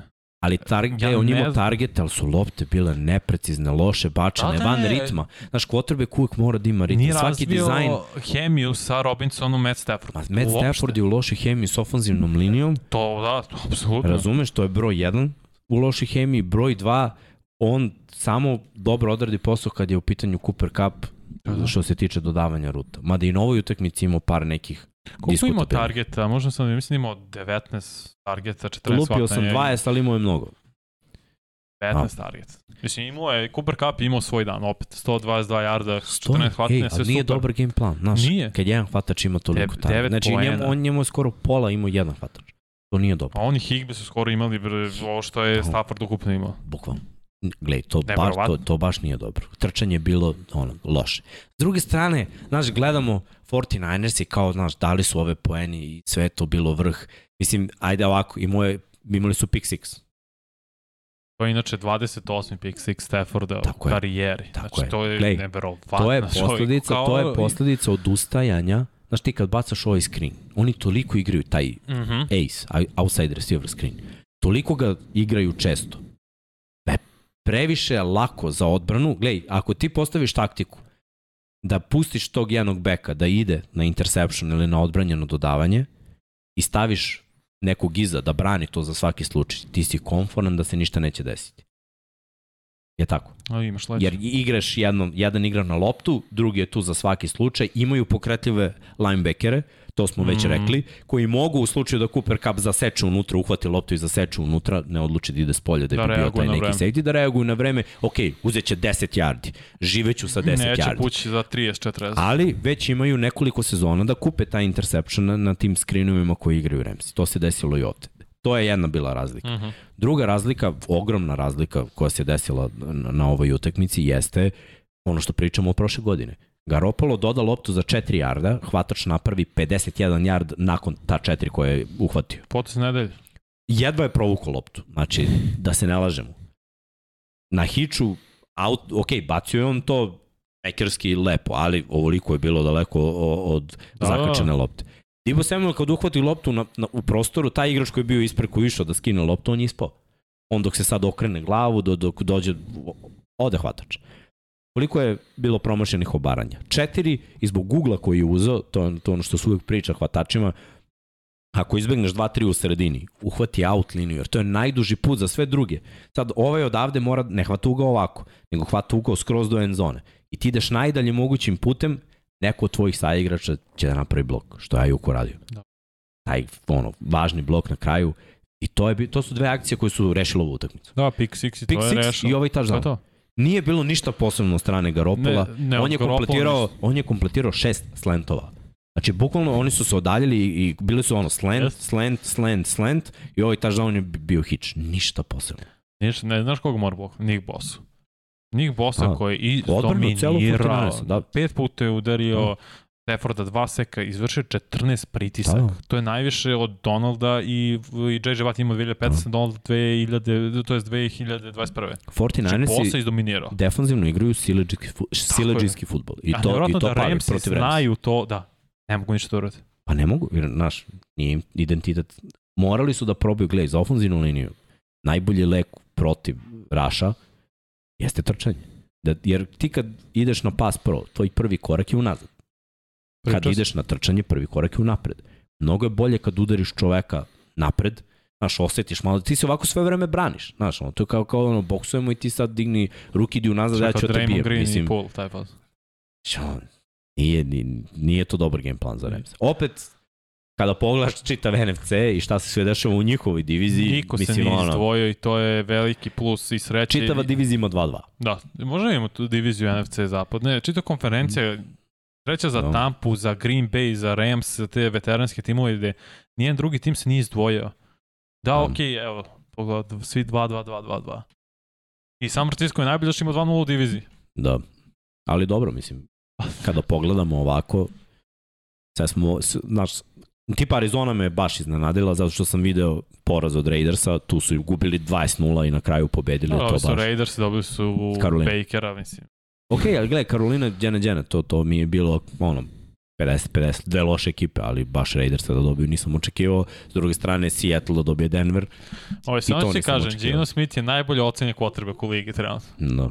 A ti sad vidiš šta ćeš s tvojom informacijom i gde ćemo Da. mi da idemo Dalje. dalje. polako, brate, nemoj da se mnogo... E, znaš. nema veze, posle četiri Gino- nedelje, četvrt, Da. četvrtina sezone, Gino će da odradi svoje. Gino će biti Gino. ne, neverovatno. U, u to ime. Može. Ovaj, može ajmo, ajmo, ajmo dalje. Šta smo još izdvojili? Mislim, ne znam šta bi više ovde pomenuo. Biće zanimljivo. Evo i sledeće nedelje kad budu igrali. No, ne, bit će sigurno. Imamo Biće- najave Biće sigurno. za- Mi za- za još jedan, za ko je bio, pa izvolili smo Baltimore i, Da, da, da, i ove Bills. Baltimore i Bills. Da. Da, uh, ovo je bila ovo je bila playoff utakmica u ono četvrtom kolu. Znači kad gledaš, kad vidiš loše vreme, dve ekipe za koje ajde, možemo da kažemo da, da, da napadi spadaju u AFC-u bar trenutno u top 5. Dve ekipe koje imaju pokretne quarterbackove koji mogu da dodaju i mogu da trče. Dve ekipe koje pa ajde ovako da kažemo, defanzivno mogu da odrade posao kada je to potrebno. Ne mora da znači da uvek odrade posao, ali kada je to potrebno, mogu da urade posao. Na ovoj utakmici, kako je sve krenulo, delovalo je kao dominacija Baltimora vrlo rano. Šta je bio problem za Buffalo Bills u prvom polovremenu? Loptu. To je bio jedan problem. Defanzivno šta je bio problem za Billse, nisu pronašli način kako da uđu u backfield Baltimore. Kada ti ne uđeš u backfield Baltimore, neke ekipe su to izvalile u posljednje dve, tri godine. U ovom sistemu Grega Romana, ako ofanzivna linija, fullback i tight endovi zadrže odbranu na drugom nivou, to je 3 yarde za Baltimore. 3 yarde za Baltimore ide se na četvrti i prvi je down ili se radi neki play action i opet je prvi down. Ali u drugom polovremenu najbolji adjustment nikada su bili linebackerski blicevi, gde Edmunds najviše doprineo ulaskom u backfield, gde terao Lamara da ide levo-desno u dubinu i gde su totalno Ravensi ispali iz ritma. Bilo je par diskutabilnih odluka, mislim ono trčanje kada je pružio ruku Lamar, opet uzeli su tu prvi down, ali mi je bila diskutabilna ta odluka. Ja nisam bio siguran da li je to bio diskutabilno i- prvi down kad je, uh, ili ne, iskreno. Da, pa gledaj, da, samo kažem diskutabilno, ne mogu ni ja da, da osudim, ali na utakmici uh, koju smo radili posle Šone i ja, je bila ista situacija da je, da je Mahomes radio istu stvar, bukvalno isto i tu su dali, na primjer, prvi down. Malo ono nekonstantnosti. Mislim da ona kamera dole na, na down markeru Dobro. se uopšte ne koristi. Ili da stave neku bolju rezoluciju. Druga stvar, znaš šta, ne, nejasno mi je da futbol ima ono kompjuterski određenu povučenu liniju, a da NFL to i dalje nema. Znači, ono, Da, zarađuju da, se milione ljudi, ajmo malo upgrade. To je čudno. Znači, morate biti, šta je se dešava sa Baltimorom u drugom polovremenu? Jer on nije prvi dobri put... defanzivni, dobri defanzivni adjustmenti. Jel to? I, I još nešto. Dešava se to da Baltimore nema svoje startere na, na četiri važne pozicije na koje su navikli. Znači, prvo da krenemo od levog tekla, koji je vrlo važan i za trčanje i za dodavanje. Trenutno igra Failele, Mhm. koji je od, draftovan da bude na depth chartu četvrti levi tekl. On je još ono projekat. Znači, prvi je bio Ronnie Stanley, koji se dalje čeka da se vrati. Juan uh, James je bio To je povređen. drugi. Treći je bio Patrick McCarry i četvrti Failele. Protiv ovako talentovanog fronta Billsa i Majamija, to su dva poraza. Pa čak i Jetsa, bilo je ono da, da je pucalo. Ne možeš da igraš sa četvrtim, ono Ford Stringer nikad nije dovoljno dobar za, za ekipu koja ima visoko očekivanje. To je, to je prvi problem. Drugi problem ide u backfieldu. Prvi startni back je Dobbins, ali Dobbins je ono home run, hitter. Evo i vraća se s povrte. Gus Edwards je on, seti se one sezone kad su imali Ingrama i Edwardsa. Gas the bus. Gus je bukvalno the bus. To fali Ravensima. I nisu našli, ni jedan, Valterius Marej je spor. Sporija verzija i malo slabija verzija Gusa A Edwardsa. mislim da je ostarela verzija, ima i Mare Ima i godina, toga, da. nije to onaj Mare što je pre bio I sada na kad gubiš nivou. jednog takvog beka, ko ti igra u backfieldu? Probali su ove godine sa Kenyonom Drakeom, videlo se da nije to. Probali su sa Mikeom Davisom, videli su da nije to to. Koriste Justica Hilla koji je spitster. Mm. On nije taj power back. I vratio se Dobbins na ovoj... Si povredio Justice Hill? Mislim da, da, da bio je povređen, Da, pa se vratio. Gledaj, i Justice Hill i J.K. Dobbins su se vratili malo ranije. I Dobbins je imao, cele nedelje nije trenirao, imao povredu skočnog zgloba i grudi. I igrao je ovu utakmicu. Znači ti stavljaš beka koji je rovit da igra protiv pretalentovane odbrane Front Buffalo Bills. Tako je. Adjustment je bio da idu na blitz, run blitz i to je totalno poremetilo Baltimore, nisu mogli da pokupe. Opet da kažemo da su promene izvršene i na poziciji garda da igra centar koji je ruki, koji je pravio neke igraške na ovoj utakmici. Linderbaum. Mhm. On je dobar igrač, ali opet je vremena. promena, treba mu vremena, tako je, dobro si rekao. Bozeman koji je igrao prošle godine je radio bolji Sad taj je posao. Karolini, tako je. Radio je bolji posao. Ja očekujem da će biti bolje, ali opet to je jedna važna pozicija. I opet govorimo o trećoj poziciji koja je ono, ekstremno važna za Baltimore, to je pozicija drugog tight enda, jer znamo šta radi Andrews Ma, Andrews, tako je, ali tamo gde je nekad igrao Boyle, koji je i dalje malo povređen, sada pokušavaju sa Likelyem koji je ruki i ne mogu, i, ili sa Oliverom, koji je prošle godine igrao, ne mogu da nađu još uvek onako pravog drugog tight enda koji im treba, zato što oni čipuju prilikom tog protectiona. Sad vidi Lamar je koliko previše... je značio Hurst. Tako je. Bravo. Jer su imali Jako nije Hrsta, imali su Hrsta, Boyla i Andrewsa. To je bilo, ne, znaš šta, ti kad staviš taj jumbo paket, ne može odbrana da igra s cornerbackovima. Ne može. Ako ideš na blitz, oni su dovoljno sposobni da pokupe taj blitz. I Lamar je imao malo više vremena. Lamar sada previše kreira, jer je ono prinuđen da, da pravi čuda da bi Mhm. napravio neki play i to je nekad super i nekad bude, bilo je baš na ovoj utakmici jedno dodavanje koje je moglo bude interception, pa je bilo tip drill i na kraju od Andrewsa Duverne i uhvatio Ma loptu. ono izbegavanje seka, pa ne, Gledaj, nerealno. Isto, Nerealno, nerealno. jeste, ali isto tako na istu foru baciš interception u poslednjoj akciji Dobro, na utakmici. Nekad dobiješ, nekad Da. izgubiš. To, to Opet, to. Baltimore ne dobija nekad. Baltimore gubi poslednjih pet puta utakmice u kojima želiš, znaš, Poslednjim akcijama. 20-20, evo, budi, budi razuman, evo, pitaću te nešto. Dao si 20 pojena u prvom polovremenu, nula u drugom. To ti je jedini drive koji ima smisla. I došao si do momenta da imaš četvrti down. E, odmah ću to govoriti. Išao bi na 3 poena. Tri pojena. Dve, dva razloga. Prvo, to što kažeš, nemam poena do sada u drugom povremenu, moram nešto. Imam takera, najbolja kikera možda ikada. Treća stvar, stavljaš pritisak tako na Bilse. Jer nije isto da ti juriš 3 poena i kao ok, nerešeno, Tako pa je. idemo produžetke, Tako pa je. možemo ih tada se Tako sad je. možemo rizikom. Nepotrebno stavljaš sebe u poziciju gde si bespomoćan, malte ne, Da. još tvoja odbrana nije na tom nivou. Secondary igra sve bolje i bolje, to je okej, ali front seven ne. Da, gledaj, i opet, ofanzivna linija ne radi dobar pass pro čitave godine. Mhm. I ti sad ideš protiv Billsa, znaš, na, na dodavanje koje treba vremena da, da se razvije i sve to, znaš, nije bilo dobro. Loš game plan, opet, ja verujem da bi u ovoj situaciji i ono, delay draw bio bolji od ovoga što se desilo na kraju. Previše, previše forsiranja, to je moje mišljenje. Jedan interception koji je bacio ono od bita koji je uhvatio Poer, na kraju Poer dva interceptiona i bio i igrač je Mhm. defanzivni AFC ako se ne varam. Čini mi se. Ok, misli, pazi. Ali opet, Jedna greška na kraju odlučila. Tako je. Dobar meč, pravi playoff meč, mislim da da Baltimore mora se mane ovoga kao i mnogi drugi timovi, mnogi treneri, jer eto prošle godine je bilo 3-4 utakmice ovako, ove godine i isto, Ka- kada imaš to na jedan posed, previše, previše rizika. I, I to je bilo loše. S druge strane, Bills je ofanzivno i dalje, ja kažem, Josh Allen s njegovim trčanjima ne rešava enigma za čitavu ligu. Iako to deluje da nije dizajnirano taj delay draw kada on stavi spread i kada se raširi odbrana i kada on čeka dve sekunde i ofanzivna linija mu raširi sredinu, to je neobranjivo i sumnjam da će iko pronaći rešenje za to. Opet videli smo neka dodavanja po kiši, Bateman je imao 2-3 ispuštena koje idu u ruke, Stefan Diggs je uhvatio s nerealnim skokom loptu koja je bila toliko Mikser, daleko, mokru loptu po kiši. To, to je razlika između To- najboljih hvatača i ovih koji će možda biti. Tako je, to je razlika trenutno. Bills imaju bolje quarterbacka trenutno, Mhm. koji u ovom sistemu ima boljeg play callera, bolji ofanzivni playbook i bolje hvatača. To je i bolju ofanzivnu liniju. Moram pohvalim Bills, evo napokon su povedali meč na koji je bio odlučen na posled ili manje. Imali su 0-7, sad je 1-7 poslednje dve Jeste. godine. Tako ovo je važna pobjeda s tog aspekta za Bills. Mentalno, pre svega pređeš tu barijeru. Jeste, ali znaš šta smo još videli ovde? E, ono, i videli smo i protiv Majamija. Bili su ranjivi, Ja znaš. Ja. Manje grešaka okej i. Billsi mogu da, da budu pobeđeni. I, i to Mhm. vrlo lako. Mislim, znam da, znaš, sad- je ono, Baltimore ima 2-2, je Tako je, pokre- možda pokreću vidimo se AFC i sever, i, i istok.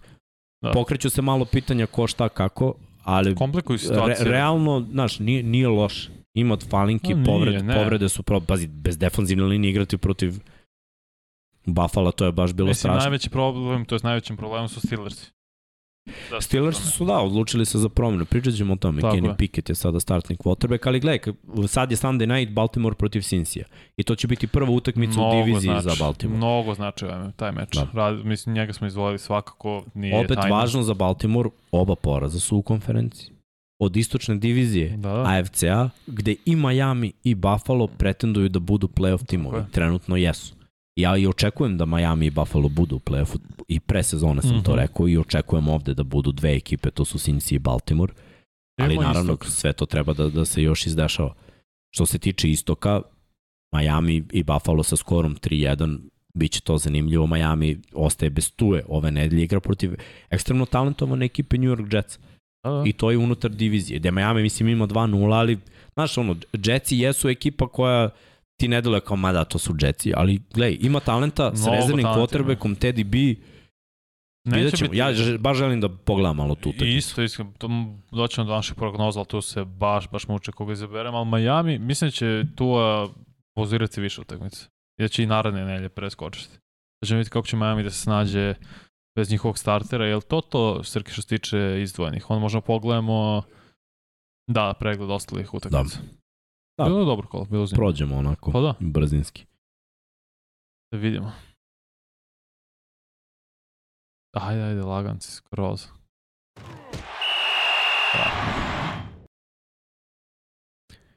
Dobro, ovo je bio Thursday night, mm -hmm. to smo Mhm. pričali, Bengalsi protiv Dolphinsa, Vikingsi protiv Saintsa, to, to je utakmica, da, u, u Londonu. Utakmica, u, mislim, ja sam očekivao Vikingse da dobiju, jer Saints imaju prolaze kroz mnogo promena. I Michael Thomas je, je Nije bio igrao, povređen, Kamara nije igrao isto. tako. Znaš, kad vidim najbolji hvatač, iako se on tek vratio, stvarno je bio u prve dve utakmice najbolji hvatač. Mhm. I, I Olave radi posao, ali trenutno Michael Thomas mi je onako ko, koji ume da izvadi situaciju. O, utisak mi je da se Minnesota ovde izvukla. Pa može i tako da se kaže, Pa. a može i da se kaže da Minnesota ove godine je klač, jer protiv Detroita su rešili Jesu, poslednji sekundi drive, napad. U prvoj utakmici kad god je trebalo iskoristiti protiv Packersa, iskoristili su i evo ovde. Tako da ono, to je promena Minnesota odnosno na prošlu godinu, kada su Mhm. imali utakmice pobeđene i gubili ih. Ove godine se nešto promenilo. Mislim, imali su je- jednu koju su izgubili, tri koje su pobedili. Ok, nije savršeno, niko u NFC-u, gotovo osim File, kažem, 3-1 Nije znači. savršeno, ali 3-1 je jako dobar skor. S druge strane, Saintsi padaju na 1-3, to je veliki problem i ekipa koja ima jako dobar roster mora malo da se uigra. I sad vidjet ćemo šta će biti. Dalton je igrao ovde, Kotrbeka nije igrao James Winston i, i to je bila onako razlika. Mislim, ne, ne, ne znam još uvek šta da mislim.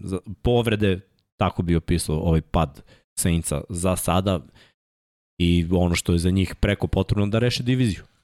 Nisu rešili Tampu, koju inače rešavaju, sada moraju da se okrenu drugim utakmicama i da reše sve unutar svoje divizije i konferencije ako žele u playoff.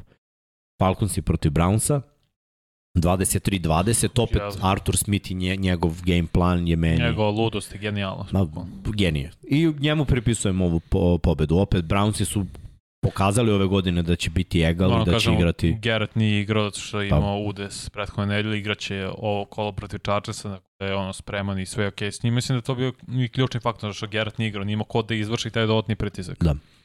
opet dobar game plan. Mada i Falconsi su izgubili za sledeću utakmicu i Pizza i, i Patterson. Tako, da, znači, to to, su je ono, poraz u najavi. dva najbolje igrača. Problem za, za Falcons. Da, da, Cowboysi dobili vašno Commandersa, imaju 3-1, I gledaj, Gle, meni, meni to nije bilo neočekivano. Cooper Rush jedini- Jer Cooper Rush igra sigurno to ono što pričam. Ne igra on Ne igra Ništa on ne radi wow, spektakularno. Impresivno, znaš, ali, Ali igra dobro. kažeš Zna, brate, zna, zna da igra. Jedini quarterback u istoriji NFL-a koji svoje prva četiri sta, uh, start računića ono s Minnesota ima četiri pobjede, ima quarterback rating No. preko 90. Znači, ne, neverovatno da igra, ali o, moram pohvalim odbranu. Kao defanzivna linija, pazi, možda Mike Parsons igra lošije prethodne dve kola, samo zato što po, su počeli njega da Dobro. udvajaju i na Ostatak sve radi načine. posao. Demarcus Lawrence procveta. A, gle, imaju talentovanu odbranu, agresivnu odbranu, Washington nije dorastao tome. Nije. Washington je u ozbiljnim problemima. Iako tu na momente ima neki, neki bljesak, se desi i vidi, ali overall utisak jako loš. Tipa Saintsi su mi ostavili bolji utisak koji Commanders, jako imaju isti skoro ovde sad kad pogledam. Da, S druge strane, Cowboysi, jedini poraz je bio protiv Tampe kad je igrao Prescott, Trash ima 3-0. I Ove godine, Prescott da. se neće forsirati da se vrati nazad, jer e, ekipa to, radi te posao. priče Jerry Jonesa kao vratit će se za petu, šestu nelju, prvo doktori su rekli 6 do 8.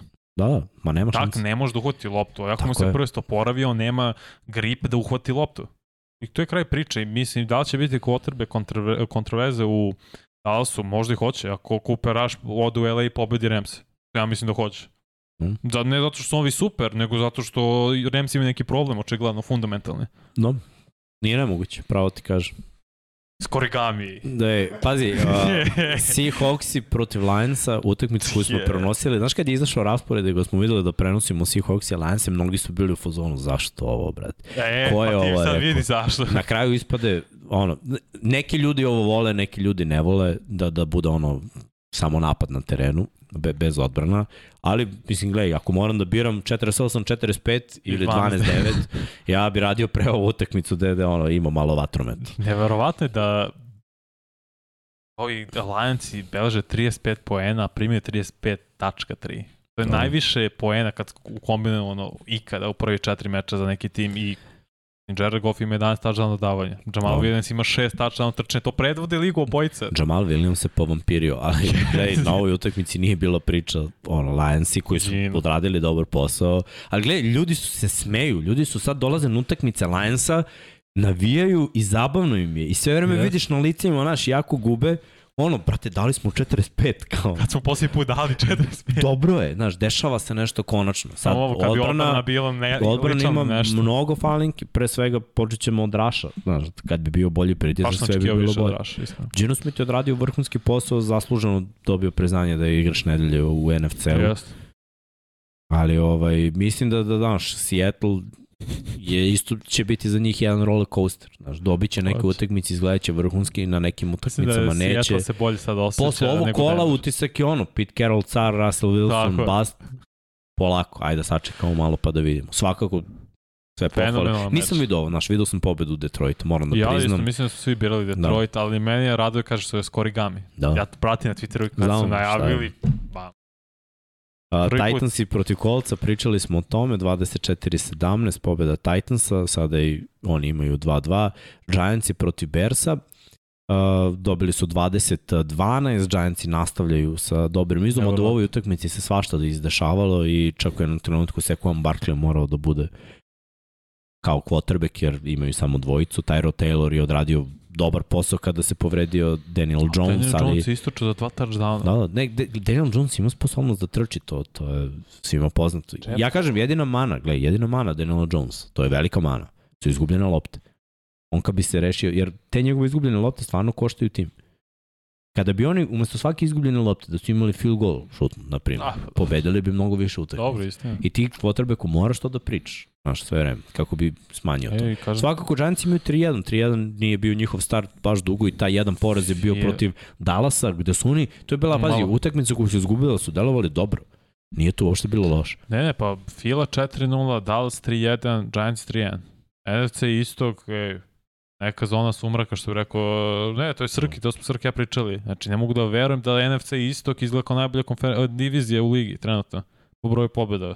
I Daniel Jones, ovo mu je drugi ili treći meč da ima dva istračena touch, touchdowna. To je drugi quarterback u istoriji Giantsa, pored ovog kog zove Jeff Hostetler, da osvojio Super Bowl. Radi neki posao Daniel Jones, sad da li to dovoljno Ne, ja ne drži kažem, posao, da, ne, ne, kažem da znam, ne to je radi, drugo. oni čak mogu i u play-off. Dable ima vrhunski game plan. I opet, Vratio Znaš se šta, bilo je- bilo je malo, malo problem sa Jakom Barkley da se vrati Predvodi igra vrhunski, tako je.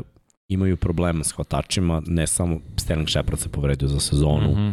Ima problema sa dve usijene glave, Kaderius Tony i, I Golid. Golade, tako je, oni moraju da postanu ono, muškarci, odrasli linija ljudi. izgleda sve bolje i bolje. Endo Thomas je najbolje ocenjen levi tackle. Ali polako, bit će ispitan, znaš, bit će ispitan Biće. za njega. Evo ga prvi ispit, znaš, protiv Green Bay-a. Da li možeš da ih limitiraš defanzivno Uh -huh. i da li možeš ofanzivno da dođeš ovako do 20 poena. Jer Giantsi koliko god bili u dobrom ritmu, oni dobiju ove utakmice gde inferiorni ofanzivni protivnik, Da, da. znaš, 12 poena. Mislim, treba da daš bukvalno dva touchdowna da dobiješ to. Ili možda da daš touchdown i dva field gola da dobiješ da, to. da, to. To nije mnogo. Znači, mora neki bolji test. Eaglesi protiv Jaguarsa i ovo je bila utakmica Fenomenalno utakmica. Mislim, gledaj, odbrana Eaglesa svake nedelje pokazuje da je legit.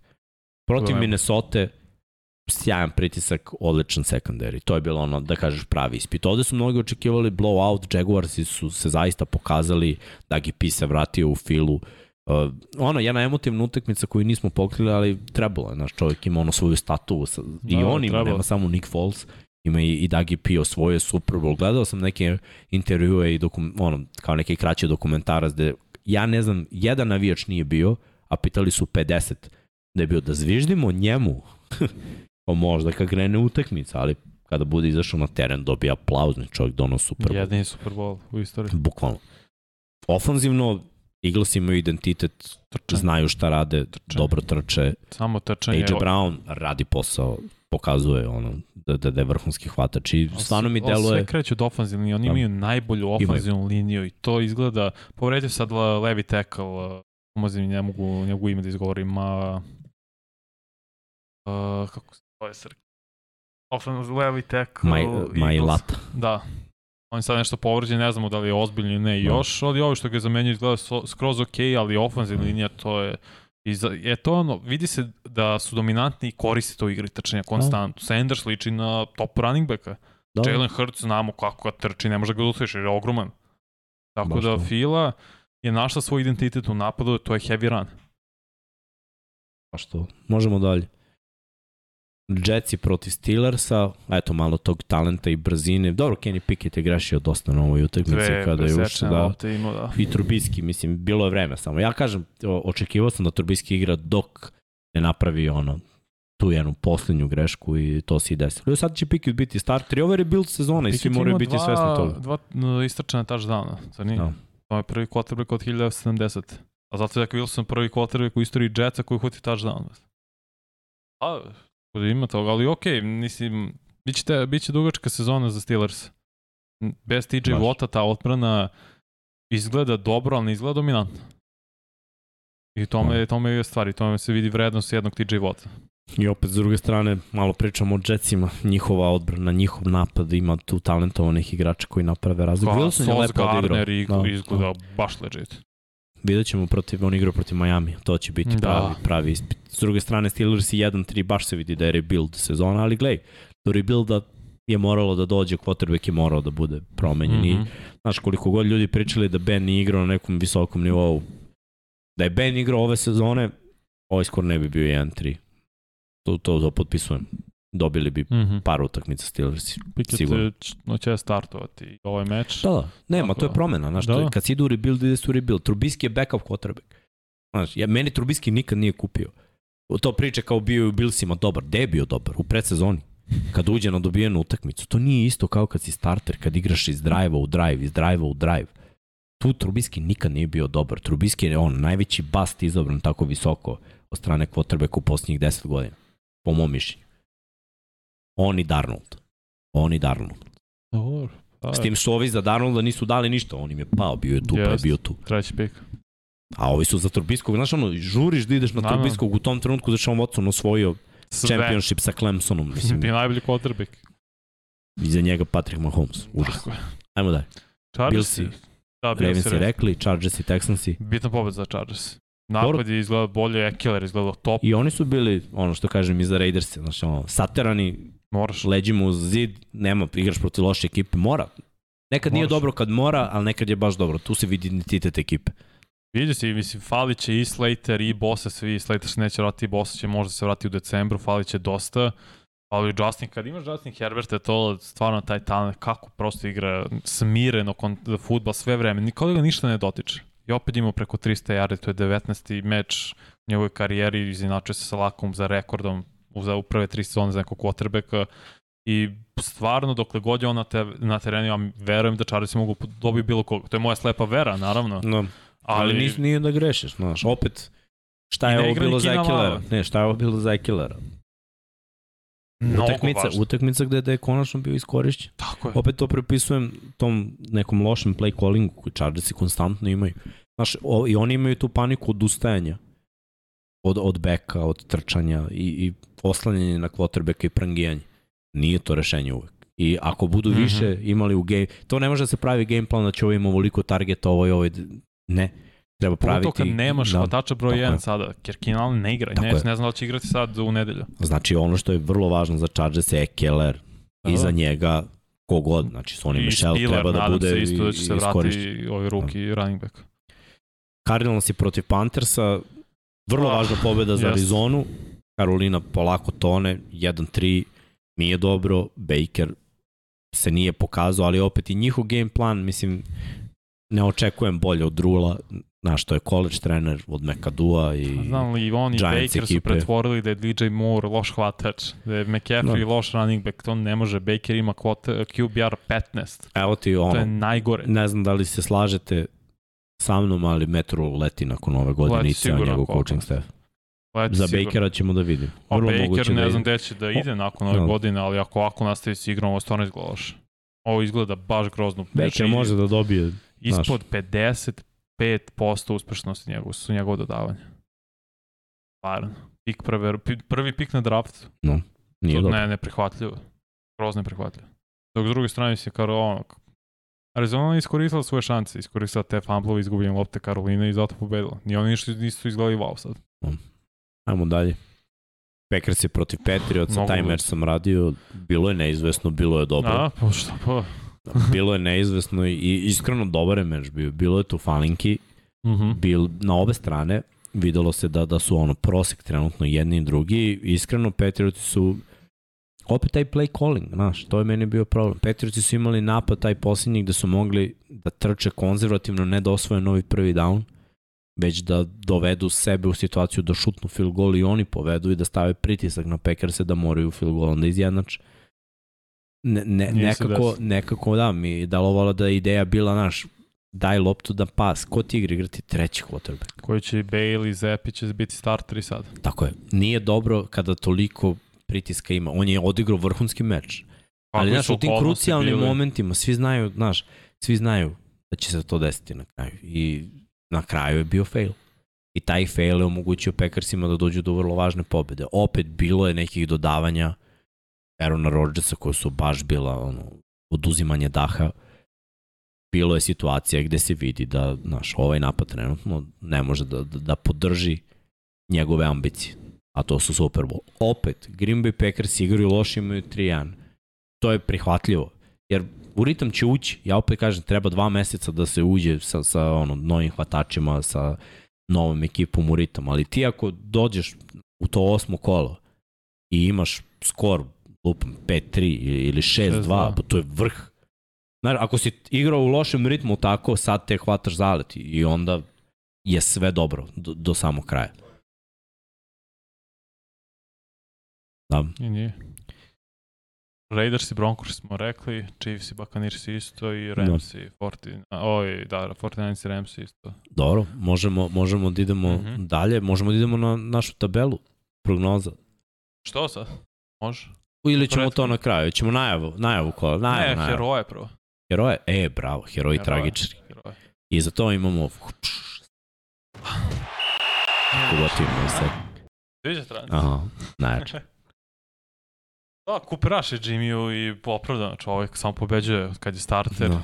Moramo računati prošle godine protiv Minnesota i Minneapolisu 4-0 i e, Jeste heroj. Jeste, stvarno kad je pao Dak, mnogi nisu očekivali ovo. Mislim da je Andy Dalton iskreno. igrao, ne bi bilo ništa, ali je, ovaj dečko radi posao. Tako je. I ja sam pričao o njemu jer sam radio predsezonu pre nekoliko godina kad je on popedio sve, ima jednu utakmicu gde bacio četiri touchdown.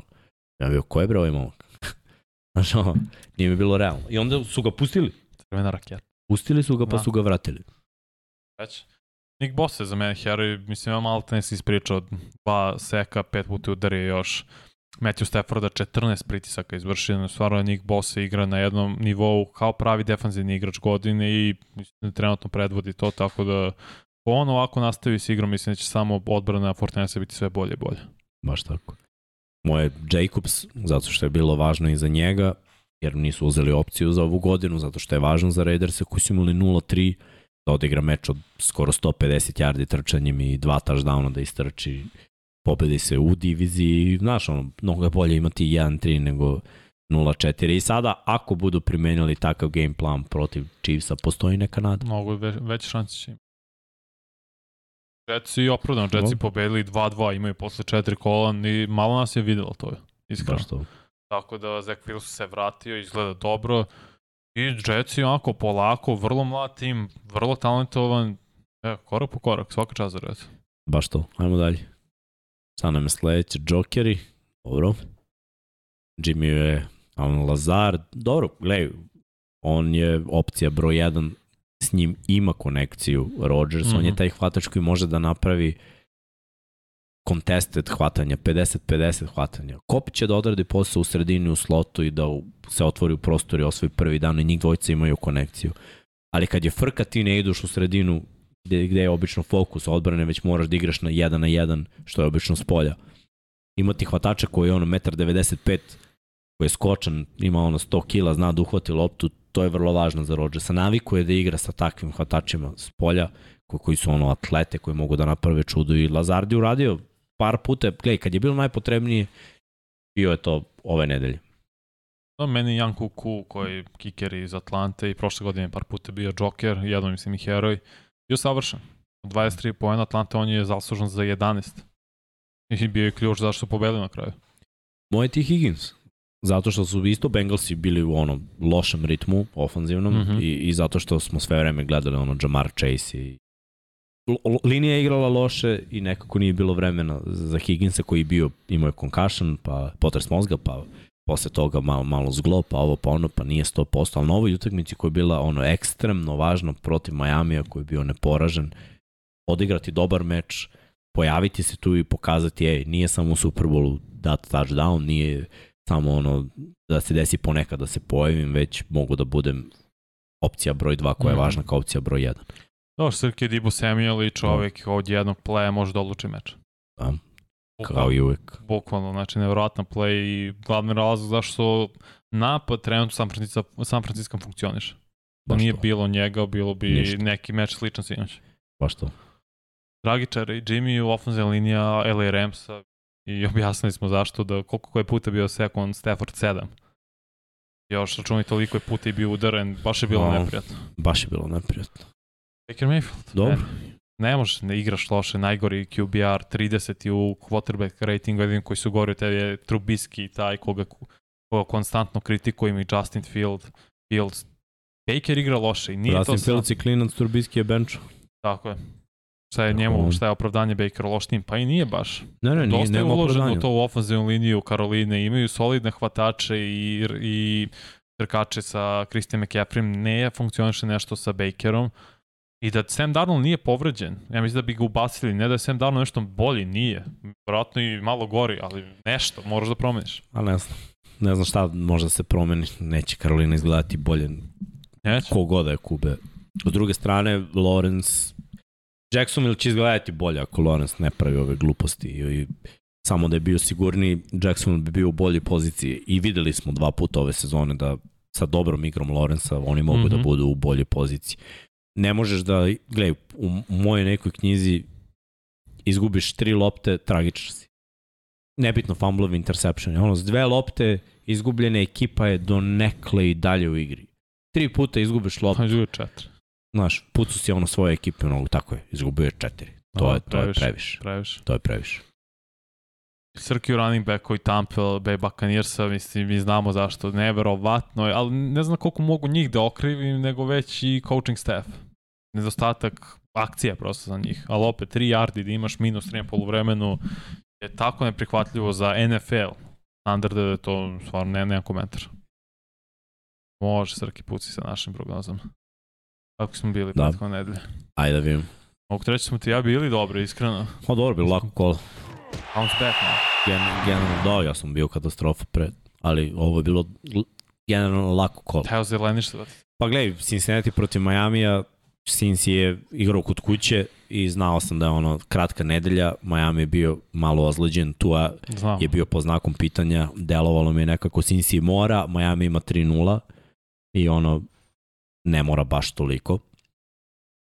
Minnesota protiv New Orleansa, više sam verovao u Minnesota, jer deluje da imaju bolji ofanzivni ritam i opet gledam tu poslednju utakmicu koju su igrali, ono, nekako mi je bilo bolje, igra se u Londonu, takođe, to mi je isto bilo, Znači da je Cousins bio 50% u Londonu, iako je odigrao jedan meč pre ovog.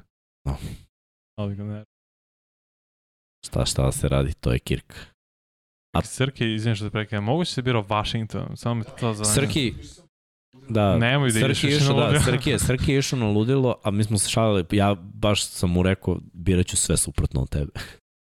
Mislim i ovde stvarno sam birao sve Yes. suprotno od njega, ali ne zato što je on birao ovo, nego zato što mi je imalo smisla, dala si u dobrom ritmu. Atlanta, više verujem, uh, Ja sam s čim nije igrao Garrett, ja sam rekao to. a, ali više verujem Arturu Smithu da je igrao Garrett, znaš, jer pronašao bi način da igra od njega pre nego što bi Cleveland je limitiran. Mislim, igraju dobro, tu su, ali imaju neki limit koji Atlanta može da prevaziđe dobrim akcijama. Mhm. Naravno, tad je druga priča kad ne igra i Patterson i kad ne igra Pitts, mislim, Malo mišljenje sa Mariotom, da, nemoguće misija. Da, svi smo izvorili Dallas. Ah, Da, e, ovde da, Detroit baš nisam Detroit, očekivao da izgubi od. Seattle, to, to je bilo onako neočekivano za mene, ali bravo Seattle. Ja nisam znao da li sam birao Tennessee ili Colts ili izgleda sam birao Colts. No, pa Neverovatno. gledaj, kolci baš nula, pazi, od prvog kola i ono što su radili protiv Texansa i ono što su radili protiv Jacksonvilla. Ja ne mogu da biram kolci. Ni sad nisam birao kolci protiv Denvera, jer ne mogu da biram ekipu koja igra ovako kako oni igraju. Denver bar ima, je imao ne, neki splash. Tennessee ima Ne, ja nisam ih birao sinoć samo zato što sam znao da ne igrao ni Leonard ni Taylor. Tennessee ima neki, ono, ima nešto, čak i da igra Taylor, Tennessee ima tu bolju kulturu. A, Uh, što Chicago radiš? protiv Giantsa, apsolutno ne verujem u Chicago Nikako, Kako Chicago?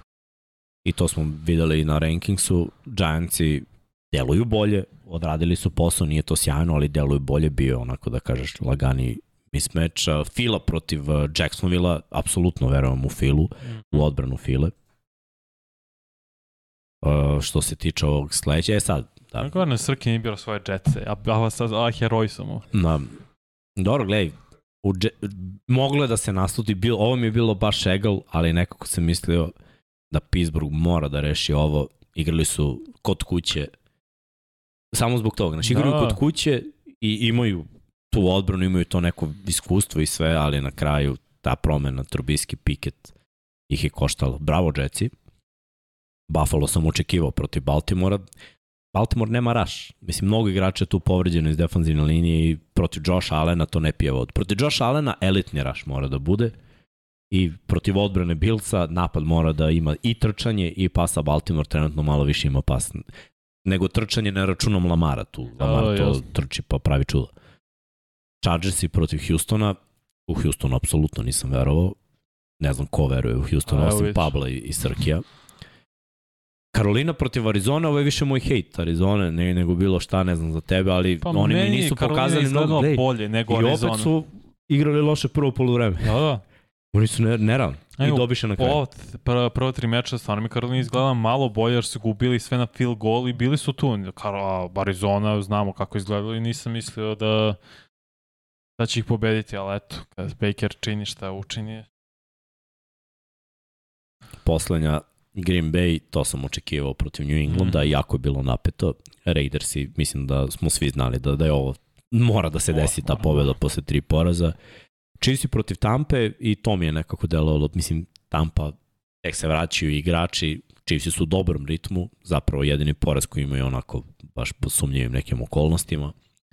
I na kraju, eto, San Francisco, to je jedino Srki pogodio. Iskreno mislio sam da, da Remsi mogu da, da odrade dovoljno dobar posao, ali nije se desilo. Već smo rekli, eto, dve situacije koje su možda rešile to. Tako da, kada dođemo na tabelu, malo sam se sad povadio sa, sa ovim vrhunskim skorom, ali... Srki moramo te baciti na 50%, ne može Da. ovako, stvarno, brate. Da. Nemoj, Da, molim sa Srki i ludilo definitivno ne ide. Ali dobro. Koliko kaskam za to manja četiri? Uf, to treba bar četiri kola da se desi. Nije možda da si Ne može, ne grešiš Pa. ti toliko, ali dobro. Postoji šansa za četiri kola. Svi sinoć birali Denver, jesmo. Hm? Jesmo, svi smo sinoć birali Denver. Ko nije? Sad ćemo da vidimo. Ja mislim da jesmo svi.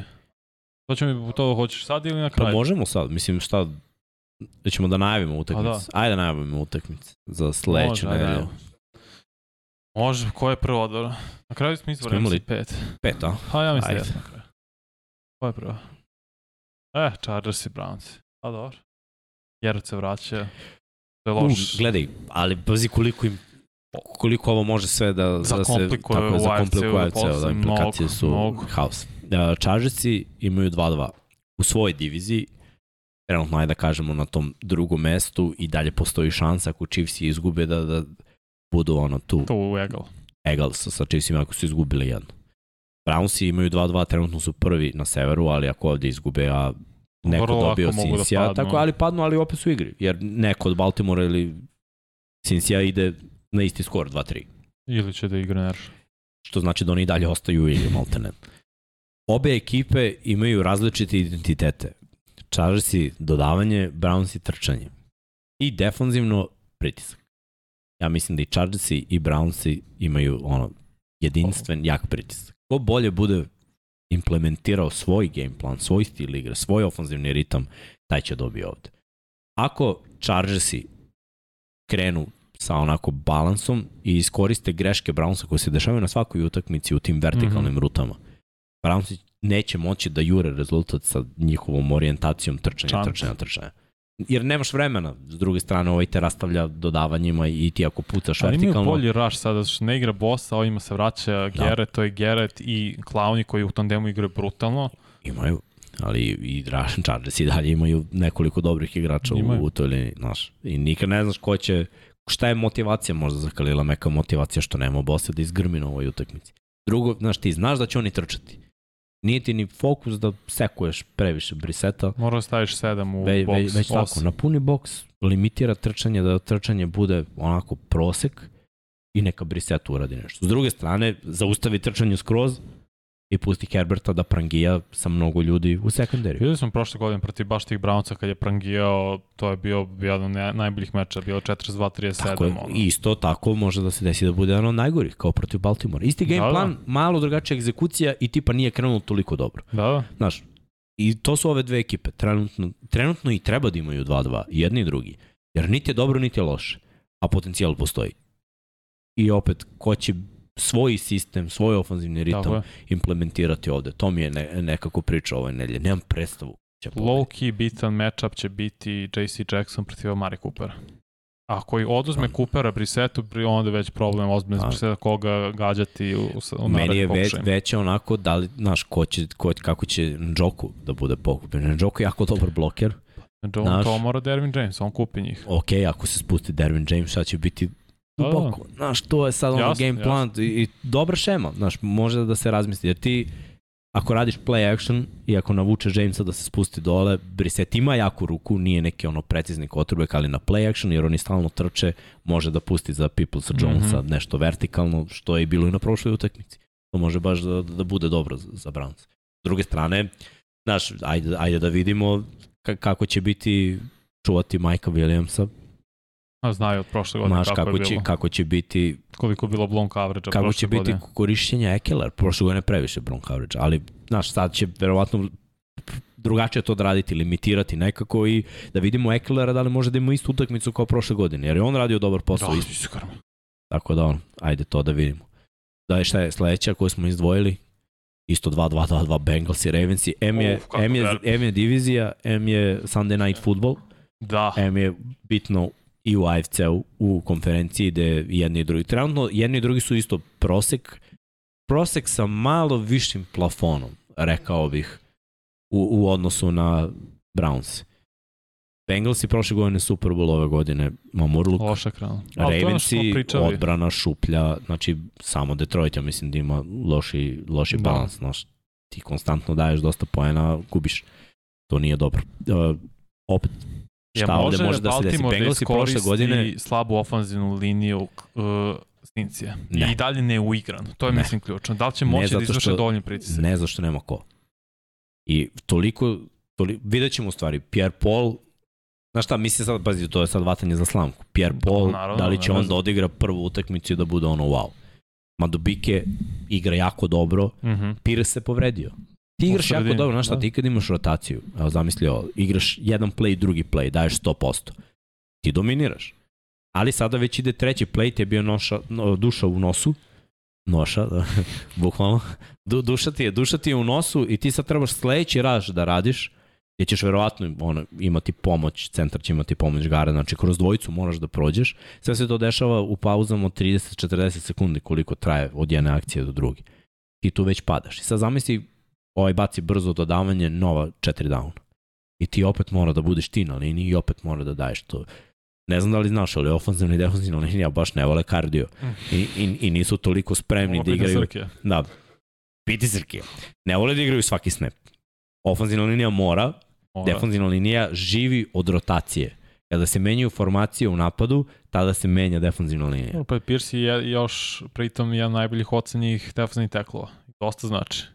Kako Tako god je. da ta defensivna linija oslabljena, on je baš dobro igrao. Justin Houston je isto bio povređen. Mhm. I, i o, Oldafe ove igra ok, Win nije to taj nivo, uh, Bowser nije tu i dalje, čekamo i dalje njegov povratak. Uh, Znaš šta je meni, to su sve imena. To nema njena koji je na nivou baš... nije, ej, ali kad su svi tu i kad igraju timski, to je ok, ali sad menjaš igrače koji nisu neke zvezde, igračima koje nemaš pojma ko su. Upravo to. I to nije dobro ni protiv jednog napada, naročito ne protiv napada koji te rastavio prethodne sezone.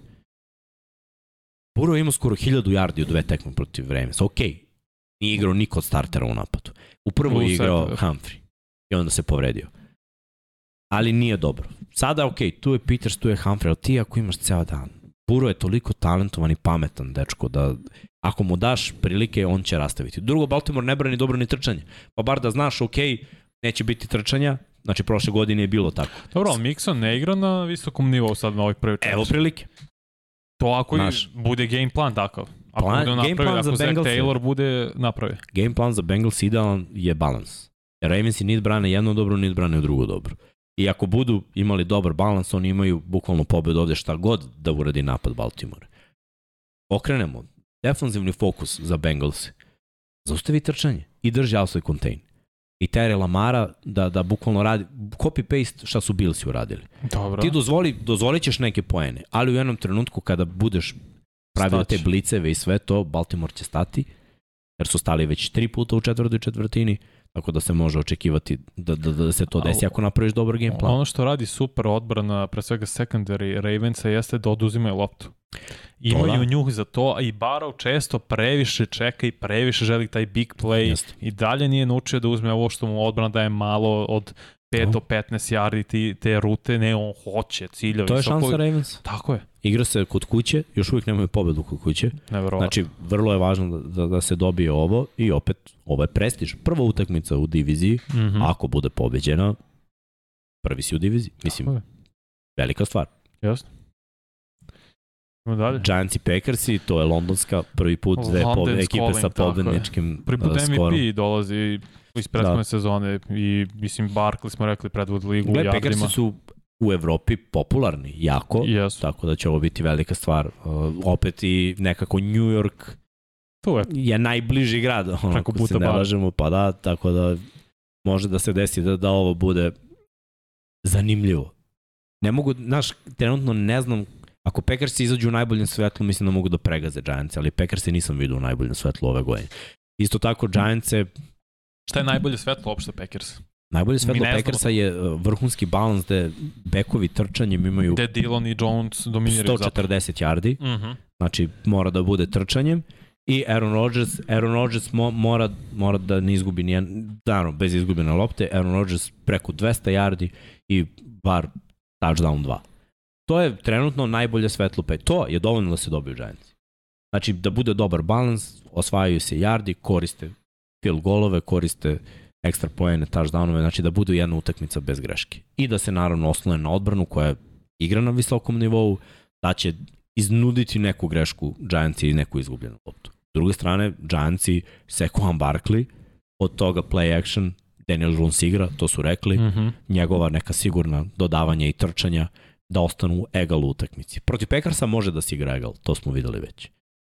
Ali neće biti protiv Da, da. Brownsa. To sam Potvrđeno. mogao da ti kažem. Hvala šta nisi.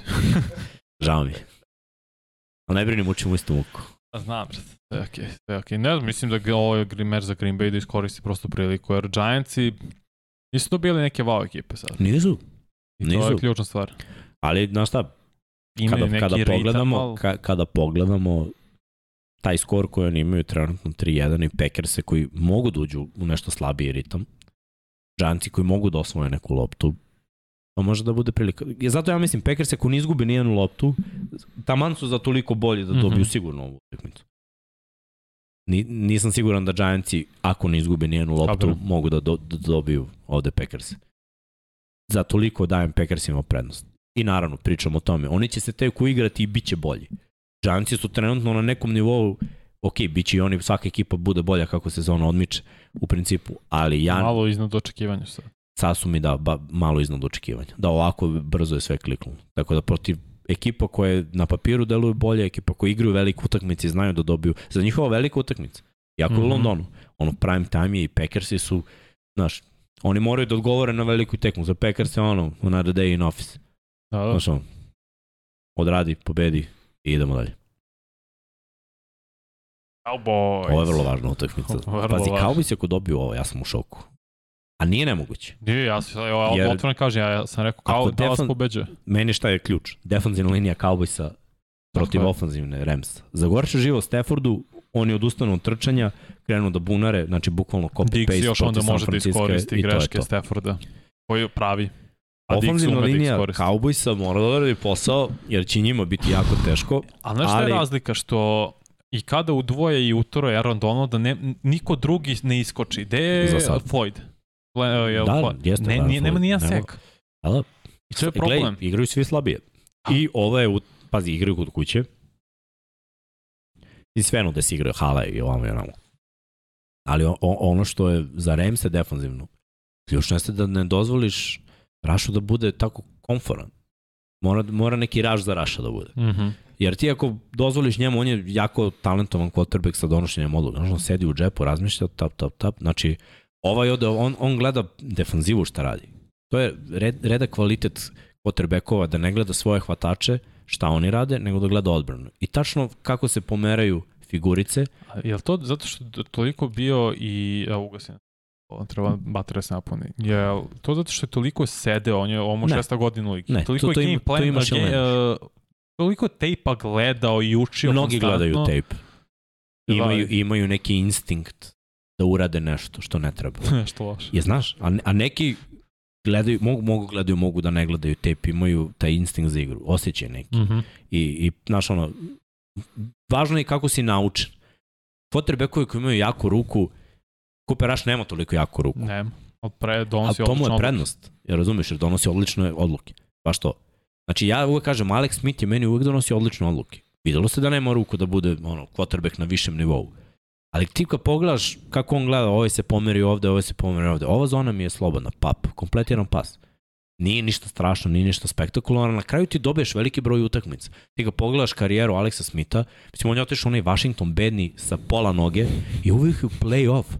Znaš zašto? Donošenje odluka, nije gubio lopte, kompletirao je ono, igra kratkih, srednjih dodavanja, dovoljno. I kad se svi skupe, možeš da baciš jednu vertikalnu Da. po utakmici ili play action kada zagrizu na trčanje. Šta je još ključ? Kako će i koliko će, e, koliki zapravo trak će imati na meč Pollard i Zeke? Koliko će moći da trče protiv Pa da, defanzivne linije Ramsa? gledaj, to je sve različito od utakmice do utakmice. San Francisco je nekako uspevao, iako to ni, nisu, lepo. nisu, nisu, nisu, i onda pukne jedno trčanje. Za tipa, i, i to je ono, Cowboys imaju home run hitere. I Zeke i ovaj, ako se ukaže malo lufta, mm. -hmm. oni će da istrače 30 yardi. To je radio Wilson. Nije ga bilo i on istraču 32 yarda za touchdown, nikoga nije tako. Ogroman gap, sjajno odrađen pull, napravljena rupa. U tom trenutku running back nema šta da razmišlja. Znači, bukvalno glavom kroz zid, samo cepe kroz rupu majstore, pa ako te neko skine na drugom nivou, skino je, ali ti moraš da protrčiš full sprint. Polar trči full sprint. Zik se zaleti uvek na liniju skrimidža. To je ono, Remsi, dozvo, svaka odbrana mora da dozvoli jedno takvo Ali trčanje. to, je mora, to mora Bobby Wagner da pokupi. Ne. Zato i dovede. On nekad bude izblokiran u toj šemi jer je na drugom nivou. To bi trebalo da pokupi strong safety i, ili free safety. Mhm, Kog oni nemaju. Istina. To im je najveći problem. Znaš, ne, to je ono što kaže zašto se zove safety pozicija. Zato što kada svi budu pokupiti, ti ako staviš 7-8 blokera na liniji igraš sa 7 u boksu, tehnički su svi pokupljeni, je tako? Negde su uradi double team i odlazak na drugi nivo. Što znači da neko ko je pozadi mora da pokupi taj gap i da pročita. I najbolje ekipe koje imaju vrhunske safety-je dozvoljavaju koliko ono, taj big run bude 10-20 yardi max. Ekipe koje nemaju vrhunskog safety-a, to pukne za touchdown za 50 ili više yardi. I tačno vidiš protiv koga igraju koji bekovi kad imaju te ono, home run, ta trčanje i touchdownove. Ramsi ovde mogu da otvore to Cowboysima. Što bi za Cowboyse već bilo ono, velika stvar. Tako je. Šta je dalje? Derby, Monday night. Ovo je baš derbi. Jedva čekam iskreno. Mislim da su Chiefs i favoriti. Isto. Igraju na Arrowheadu. Imaju dobar ofanzivni ritam. Igraju jako ono što ne odgovara Raidersima, aj tako da kažem. Jer ako krenu trčanje, ako krenu oni njihove shovel dodavanja i ono nešto, Ra- Raidersi se pogube na tom. Raidersi kada krenu previše da rašuju, tu nastaju problemi. Jer Mahomes rešava te bliceve i raševe kao niko drugi u ligi. Sve ekipe koje igraju tako previše agresivno proti Chiefs izgube na kraju. To je bila taktika Baltimora, nikad ih nisu dobili tako. E, mnoge ekipe, pa evo uključujući Billse koji su ono jako dobri kada previše napadaš Mahomesa, ostavljaš iza sebe nebranjeni prostor. Što on zna da iskoristi. Moraš da rašaš sa četiri. Moraš da, Moraš. mora da budeš uspešan u rašu Tako sa četiri. Raidersi ove godine nisu to bili, ali na ovoj utakmici, znaš, Mac, Max Williams je, Max, Max Crosby. Crosby je ma, malo proradio. Tako da, ako on proradi, Chandler Jones, ako proradi, mislim i to im treba, može da se desi da, da ostatak ekipa pokupi to. Nisam siguran. Znaš, I dalje nemam, evo mi smeč. Ko će čuva Kelsija? Nemaju. Nemaju tog igrača Nema. koji može njega da isprati. I onda, ako ga udvojiš, ostatak ekipe će biti malo lagodniji. Pomeranje džepa, pa čak i to trčanje. naći. Će nekog naći. Pa. Da. Jer gledaj, ako im je Kaler Mara i ono uradio, mislim da su u velikom problemu. Oni moraju da uspostave balans i ja, to, to bi bila moja ideja. Oni moraju nešto slično što je uh, Kansas uradio Tampi, da to meču je Tom imao loptu svega 21-22 minuta. Baš to. To Mahomes, to Raiders moraju da urade Mahomes. Samo što mislim da ne trčiš, mogu. pomeraš lance, malo plešan, sve je neka kratka dodavanja. Znaš, umaraš ih i teraš napad da sedi na klupi. Da. I vučeš odbranu, vučeš ceo teren, potrošiš, ono, bi bilo je, ja se sećam one godine kad, kad, je, kada je Baltimore bio najbolji tim u ligi, a San Francisco je na kraju završio te godine u Superbolu. Oni su imali, ja mislim, u 10 utakmica napad od 7-8 minuta.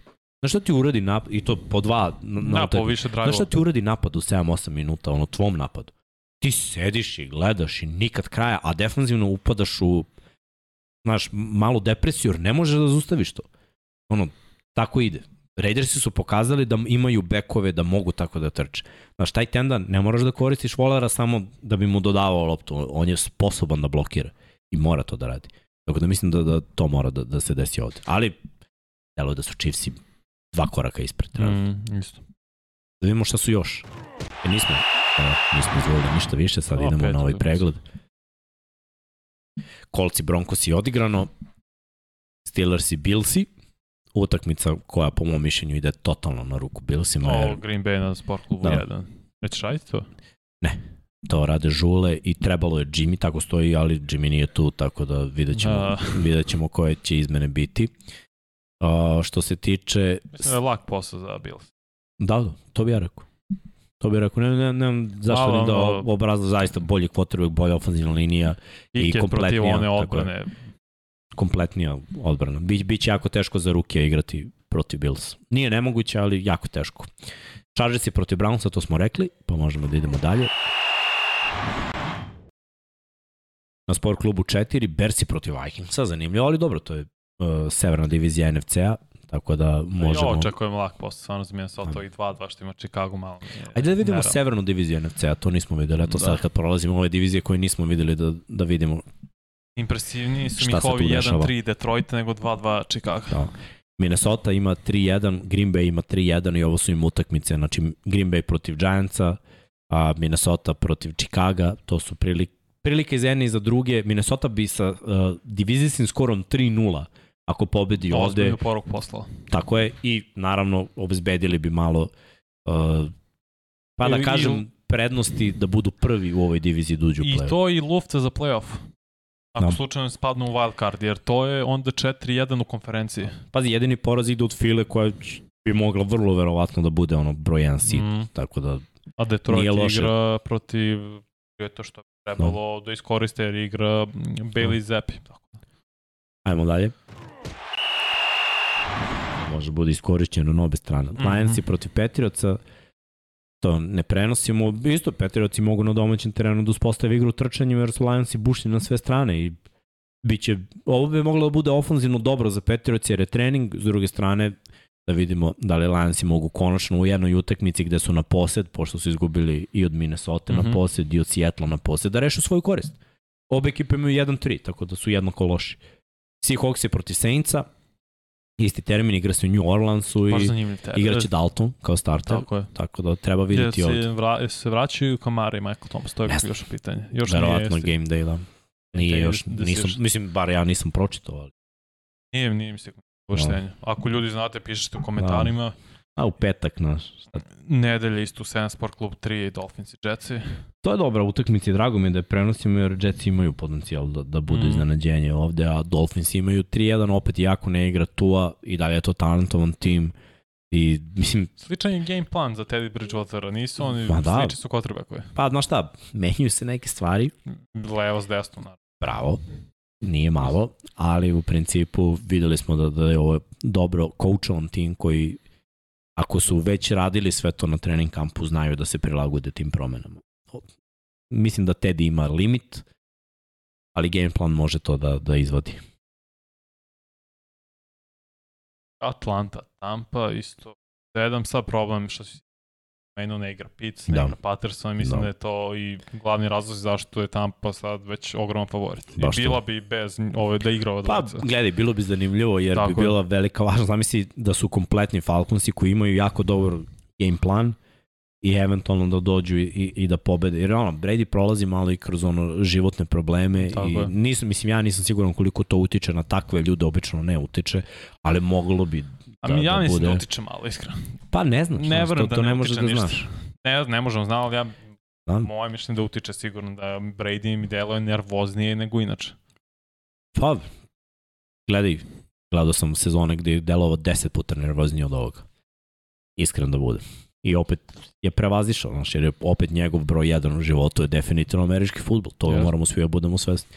Iako u 45 godina igraš američki futbol, vrlo je jasno da, da je to ono tebi najbitnije u životu. Tako da ono, Falconsi bi imali šanse, ali ovako sumnjam, stvarno. Titans je protiv Commandersa, iako se igra u Washingtonu, mislim da, da Tennessee ovde opet. Zahvaljujući trenerima i, I i, tom nekom identitetu, tako je, mislim da, da mogu ovde, ako budu sigurni da dobiju utakmicu. Mislim da je baš na totalno Ron Rivera polako gubi konce. Odbrana nije dominantna kao što je trebalo da bude, kao što je bila pre dve godine. Nije. Fali jedan vrlo važan šraf. Tako je. Znaš. Texans je protiv Jaguarsa, iskreno igra se na Floridi, Jaguars imaju 2-2 divizijski uh, rival. Ovo je za prvo mesto u diviziji. Tako je. Bukvalno oni i Tennessee bi mogli da budu na, na prvom mestu nakon ovog kola. Mislim da je za Jaguars ovo naročito nakon četiri izgubljene lopte i, i to poraza od File vrlo važno da dobiju ovo. 49 protiv Panthersa, igra se u Karolini, mislim da 49 takođe ako žele do prvog mesta moraju da reše ovo za Karolinu, možda poslednja prilika da se povade malo, mada fizički su inferiorniji ovde od 49 Pazi, u odbrani stvarno Karolina izgleda baš dobro. I JC Horn Da. izgleda brutalno na poziciji cornerbacka. On je Da. pustio no četiri meča, je imao 10 ili manje hvatanja. To su 10 ili manje yardi su imali njegovi No, gledaj, receiveri. Niti jedan meč nije imao preko 40 yardi. brutalno. Uspostavi raš. Ko je loš quarterback pod pritiskom? Jimmy G. Obojice. Jimmy G. Ubi ga. Ubi ga tako da Baker izgleda dobro na ovoj utakmici. Zaštiti Bakera. stavi ono, fullback ako treba da bude dodatna protekcija. Mislim, Mhm. šta god. Igra više play action. Uključi McCaffrey-a. Mislim, hiljadu stvari ima kako Karolina može da bude bolja. Inače, nisu jači od San Francisco. San Francisco 49 su ovde sileđi i imaju ono, bukvalno najboljih laganu timova, priču. najboljih rostera. Tako je. Tako je. I imaju dobrog trenera i dobar game plan za razliku od Caroline. Tako da mislim da, da su oni favoriti. Cowboysi protiv Ramsa, kao smo već rekli, kao i Eagles i Cardinals. Sport klub 1. Eagles i Cardinals i Sport Club 2, isti termin.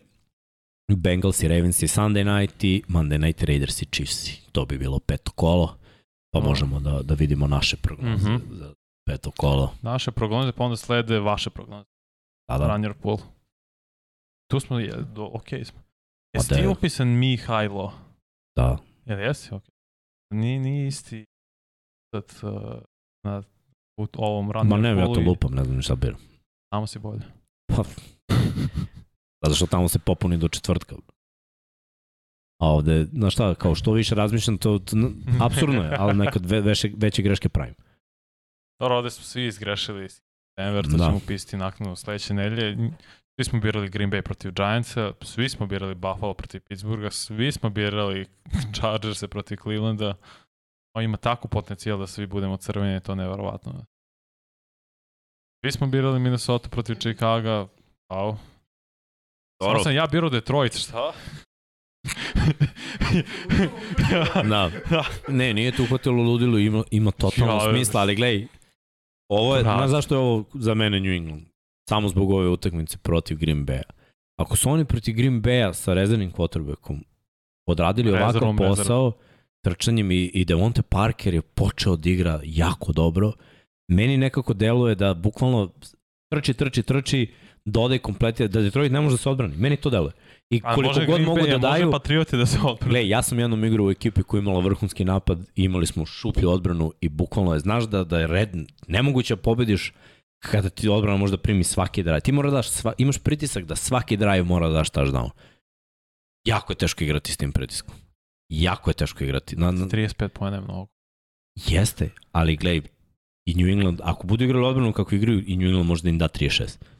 To je najgore od svega. I oni moraju da prevazići. Kad budu prevazišli to, verovaću više u njih. Prošle nedelje sam verovao u njih, da će limitirati Seattle. Seattle nema takvu igru trčanjem. Rashad Penny ih je ubio. Ubio. Jesam. I Gino Smith. Pa zamisli šta može da uradi Damian Harris. Seattle at New Orleans. Mi smo bili... nemam pojma, verujem, verujem nekako. Da, da, Orleans. kažeš, ove, naš, ove nedelje gde ono, u neke ekipe jednostavno verujem. Verujem u New Orleans. Iako me ra- razočarali su me ove sezone, u prvo četiri kola. I sad je ono, Mora se izvući. slabiji protivnik, verujem da, da mogu ovo da reše, da ono, ne, Dalton je preiskusan da ovo ne bi rešio, pa ćemo videti. Mada i opet ako ne budu igrali, onda, onda ćemo videti, ako ne budu igrali Kamera i, mm. i Mm. Thomas, ne znam šta će biti s njima. Miami at Jets i svi smo birali Miami, Sam Srkija i Pablo. Mada sam ja birao Jetse u ovoj ovi ligi. A ovde sam birao Miami, tako. Povukli ste me ti Jimmy.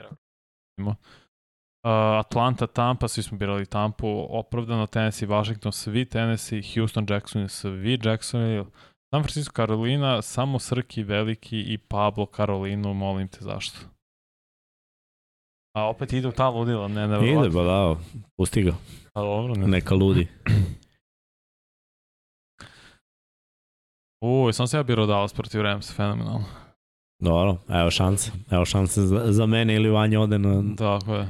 Šta je sledeće? Svi smo birali... E da, nismo mnogo pričali o Philly i Arizoni. Pa niš, možemo sad.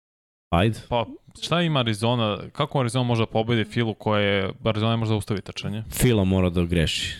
Baš. Da, to je jedini način. Arizona ne može da zustavi trčanje. Arizona igra jako loše prvo polovreme, Fila igra bolje prvo polovreme. Fila od svojih 106 poena 85 je postiglo u drugoj četvrtini. To je Da, neverovatno. Da, da. To je ne. I gledaj, ako To je Fila, 20 po četvrtini, koliko 21 skoro po ako četvrtini. Fila odradi ono što rade u prve četiri utakmice, a Arizona uradi isto ono što rade u prve četiri Gaženje. utakmice, utakmica je rešena u prvom polovremenu, jer Arizonini ono, comebackovi su se desili protiv ekipa koje nemaju rush. Fila. Fila ima brutalan rush. Znači, Kyler Murray će se provesti gore nego protiv Ramsa. Bukvalno. Da. To, to je neko moje predviđenje. Fila konačno ima hvatače koji mogu da, da naprave razliku, znamo kako trčanje ima. Arizona nije fizikalno dovoljno da igra protiv File, Fila ima 4-0 i ja ne vidim način. Osim ako se ne bude desilo lupom. Mnogo Famblovi, grešaka. Da, da. interception i tako nešto, mada Jalen Hurts je smanjio te rizike dosta. Vi, Najbolje famblova nema. ocenjen Da. uh, dodavač. Najbolje ocenjen quarterback jeste Gino Smith, a najbolje ocenjen dodavač je Jalen Hurts. Pazi, ne znam kako Srki vidi ovde i Pablo Arizona, ali Ne znam. lepo. Dobro, znaš kao, nekad mora i ta fila da izgubi. Da, da. Cincy protiv Baltimora i tu tu je Već biraš 3-3. protiv svoje. Ma nema Raša, čoveče. Da, da, da. Bez Raša, znaš kako će Burrow da izgleda? Kao na treningu, to je moje mišljenje. I Baltimore će da daje poene i bit će vrhunska utakmica, ali na kraju to što nema defanzivne linije i linebackerske linije koštaće Baltimore ovde pobede. Kao što je i prošle godine. Na kraju Raiders je at Kansas City. Samo je Pablo birao svoje što apsolutno pošto. Svojim nemam ništa loše da to kažem. Ja ko će Kansas, da ko ćemo dobiti, ali drži se u svoje, podržavam. No. Da, sad na vaše i naše prognoze. Bata je prvi čovjek, ima 45,5 poena i po zato što je ona bila nerešena utakmica 45 od 19. A Baš, baš impresivno. Da. Jaguar je drugi sa 43,5 poena, 43 pogođen, 21 omašeni. Metal Crumb ima 42,5 i onda zato ima dosta njih Defunctus, Gangula, Glej, svi ovi imaju iznad, iznad 40, što Da. vidimo ovde, Da, što je onako impresivno. jest. Stvarno. Gangula lagano, Ika Car, Kent Wait, eh, Mikinjos, Ivan 86, Ivica M 74, Miljak, eh, Nemac 30, Nixi 97. Uh, šta piše, šta je ovo sa? Pa, Sarule Eagle. Eagle, Saru, Šarule, Sarule. Šarule Eagle. Ili Šarul. Šarul. I na kraju Videm Boys. Svi imaju 47 pogođa. Videm, boys. Evo smo mi... Smo. Kako ti imaš jednom... Da, kako, To ne znam. Ali to tako piše što je najgore, znaš? nemam pojma. Ne znam. Kompjuter, kompjuter greši. Ali vidiš, Sirke, ti si ovde bolji mnogo. A? Vidiš, čovjek... Mnogo si bolji ovde, zašto...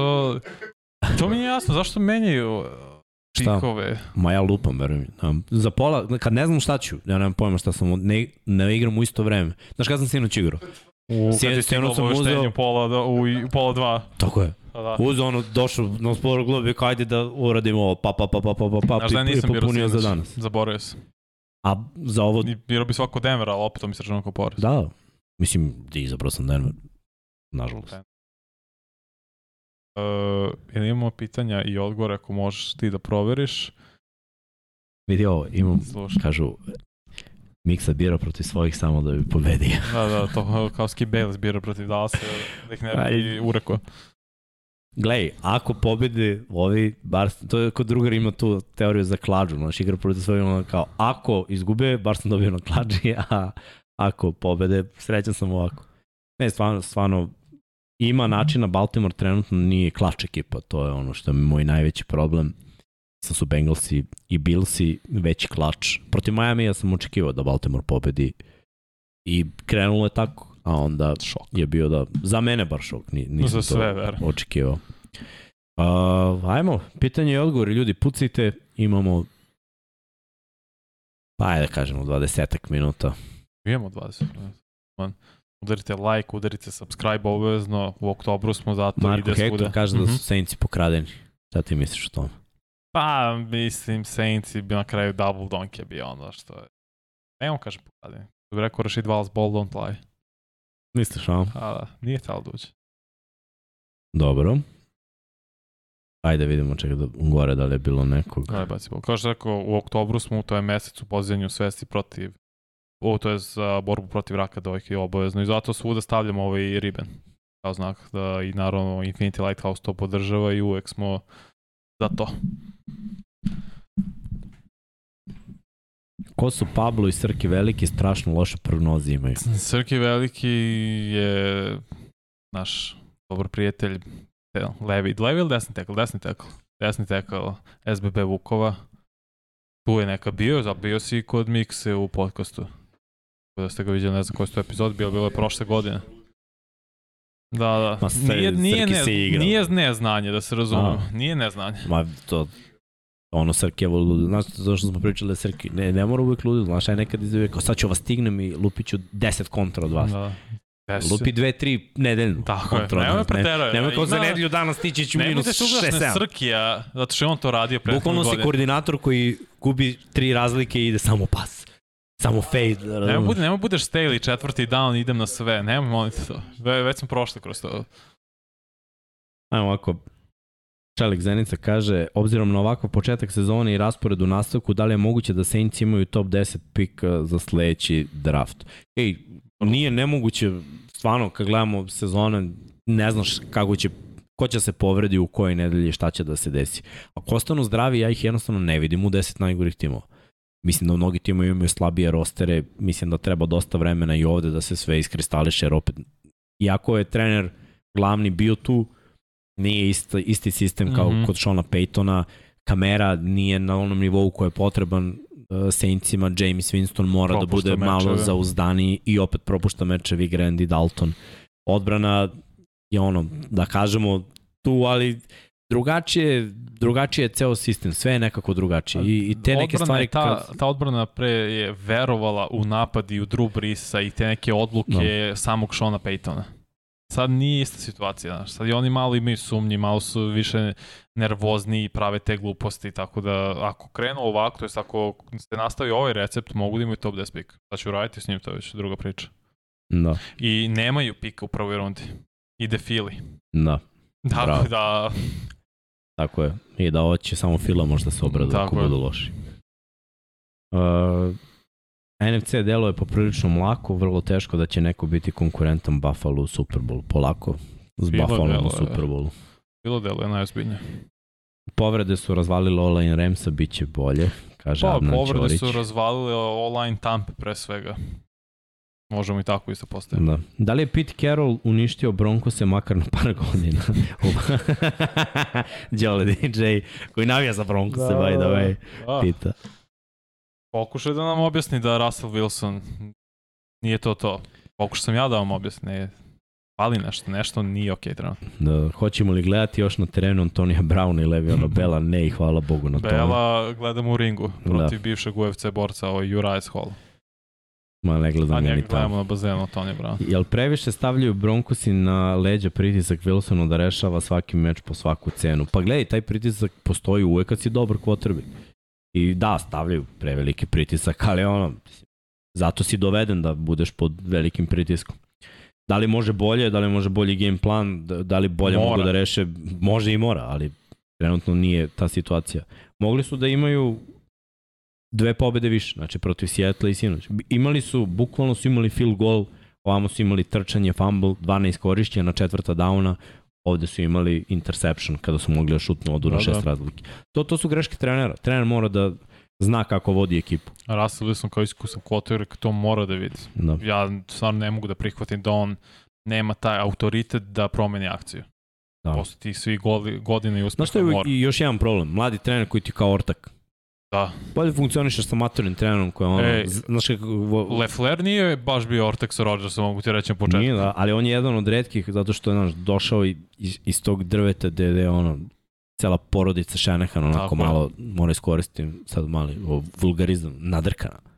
Znaš, ono, ali takvi su. brate. Mike pre svega. Ti Pogledaj njegov, njegov Mike facijalna ekspresija mu je ovo kao, Želim žalke to pričao na trenicima. razumeš, lik je ono, Belichick, što- Da. I ti šta ti kao trener, ja bi teo da idem, mrš na polje. Specijalni tim. Da, ali mislim da statistički mi imamo što... Kraj priče, brate. Tu se završava se. E, tako trener je potrebno. A on čvrsta ruka. Kaže Bata Stojković. uh, da vidimo dalje, da vidimo dalje. Da li je Justin Fields uh, sistemski quarterback?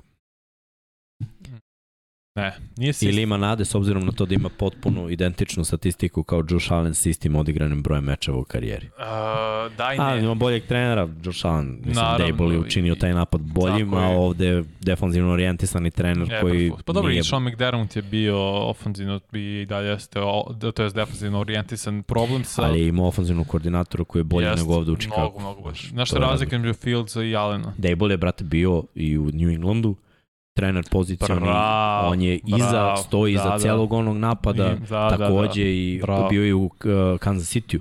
Tako da je bio u New Englandu, u Kansas City-u i razumeš, došao je da bude u Buffalo. O, znači, kupio je od najboljih, implementirao je. I naravno, kad imaš takvog trenera uh -huh. da Mhm. radi sa, sa quarterbackom i da smisli da izvuče najbolje, bi, napredovaće. A ovako, Znaš, nije lako ni, ni mladog quarterbacka koji je navikao da igra u jednom sistemu staviti kao, e, ajde sad ti majstore To je ono odradi što hoću posao. da kažem. Fields je na koleđu imao najbolji, jednu od najboljih hvatača, brutalnu ofanzivnu liniju i uvek je u većini mečeva imao bolje, bolji tim. I on se naviko na to. A Josh Allen na, sa malo koleđa nije to imao. I Da. onda je on došao u mnogo bolju situaciju nego što Fields je otišao realno sa bolje situaciju uglošio. Da, To je jest, problem. to je istina. Da li vam se čini da je ove godine lošiji kvalitet u odnosu na pre... Čekaj, u stvari, da li je sistemski quarterback? Mislim, da, mislim da nije. Mislim da može da izađe iz sistema. To, to je u stvari ono bilo pitanje. Da, da, može. Samo je potrebno da ima bolje strategije oko sebe da bi mu pomogli. Da li vam se čini da je ove godine lošiji kvalitet u odnosu na prethodnu? Da. I da ekipe igraju sa 60% A, potencijala. Ne igraju oni sa 60% potencijala, svi su neuigrani, mnogo je promena i, i nekako mi deluje da ovo osustvo predsezone i uigravanja vidimo Mnogo, više ove znači, godine. Jeste i povrede, zato je opalio. Da. Znači koliko ključnih Da. igrača u skoro svakom timu je povređen. A, ljudi misle ako preskoču utakmice da je manja šansa da se povrede.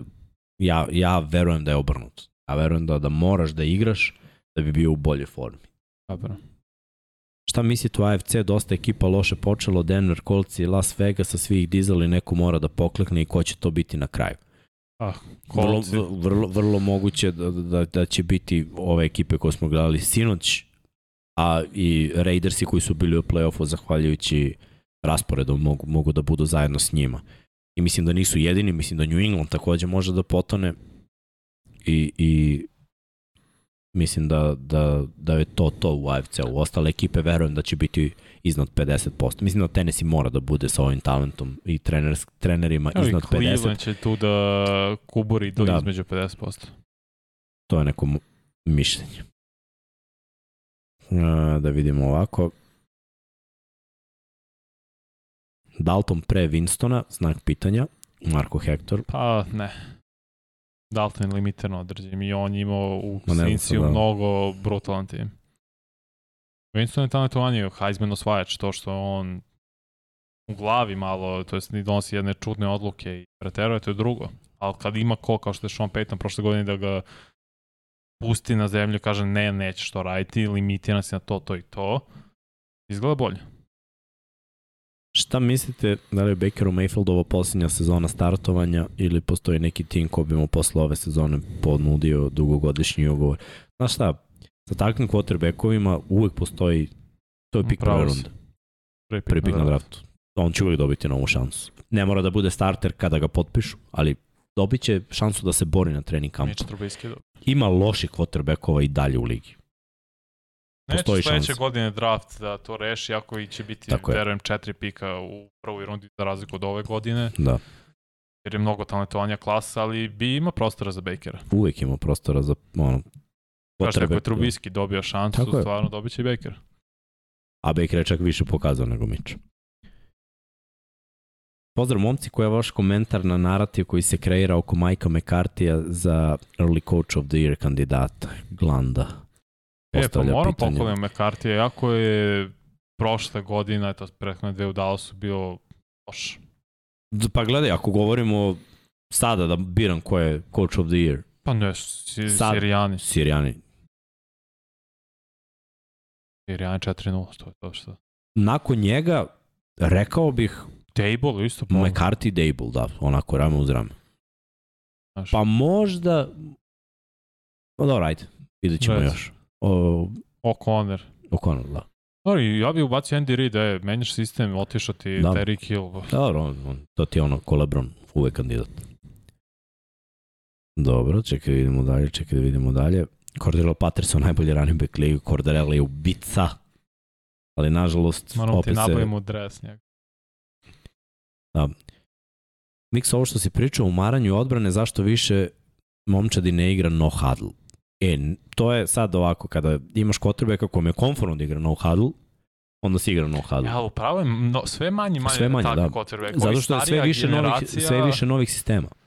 Da, Znaš. koliko je Peyton Manning puta odigrao no huddle i Peyton Manning break. je bio godinama u istom sistemu i onda je došao u novu ekipu gde je ono, on je, On je implementirao taj on je, tako je, on je trener On je igrač na terenu. Da. Znaš, i onda on to zahtjeva se ono, signali. I sad ima toga i dalje, ali vidim da da ekipe sve češće, ovaj, sve češće se sad i menjaju formacije. Znaš, u jednom trenutku fullback je nestao, pa je uvek bilo ono ili spread ili ono single Mhm. back. Sada već ono menjaš personel, ulaze dvojica tight endova i fullback, izlaze tri hvatača. Bolje u hadlu da, da svako zna gde, na, na kojoj stranici. Ali kad si igrao na two minute offense, meni nije jasno zašto se ne igra no huddle. Mislim, jer kad se igra no huddle, kad se igra no huddle i kad se ne vrše izmene, odbrana ne sme da vrši izmene. Onda može samo da ih gaziš, pa, pa, pa, pa, pa, pa akcija za akcijom. Ali opet menja se. To je ono što Rodgers super radi. Jako hoće da napravi izmenu, on Mhm. vidi 12, aha, 12 Ali da, igrača, znaš, pam. kako odmah. će on da igra no huddle sad kad ima uh, dva je. ruki hvatača, Tako je. razumeš, i ono, ima dva igrača za koje, baj da kažeš, zna da su tu. Mada opet Lazar nije trenirao. Moraju svi da treniraju, moraju svi da budu na istoj stranici. Tako Ti je, u pozoveš sinku. no huddle, daš akciju, jedan pogreši koncept, Kazna. s- s- sve je ono, sve je pogrešno, propade akcija. Fiksove za kladionicu na Isus nemam, jer ova baš je sezona, ono, ne, ne bi znao, ove nedelje imamo par derbija, Fiks mi je bio ovde minus na ovoj utakmici sinoć i na kraju se ispostavilo, bilo je smešno, ono, ne, neverovatno, da kombinovano jedva prebace 20, ali za ovo što ide, rekao bih Fila protiv Arizone, to mi je ono, Mhm. jedan matchup u koji verujem, Jackson protiv Houstona. to ne smem da kažem. Ne, to su ekipe, znaš, koje ne verujem. Znaš, ono, šta je fiks? Fiks je nešto što kao mogu da kažem Više da sam poena. siguran.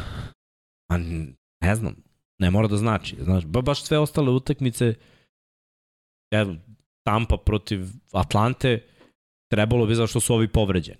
Eto, samo zbog toga. I, i neće igrati. I, I to je broj dva. Ovo ostalo, znači, imamo par derbija gde su Ten- Tennessee ekipe... protiv Washingtona. Ne, ne verujem toliko u tenesi da, da kažem da je fiks. Kao što ovamo u ovim pojedinim utakmicama, znaš, može se desiti svašta. Moguće da će Bengals i Baltimore biti plus. Moguće, ali opet.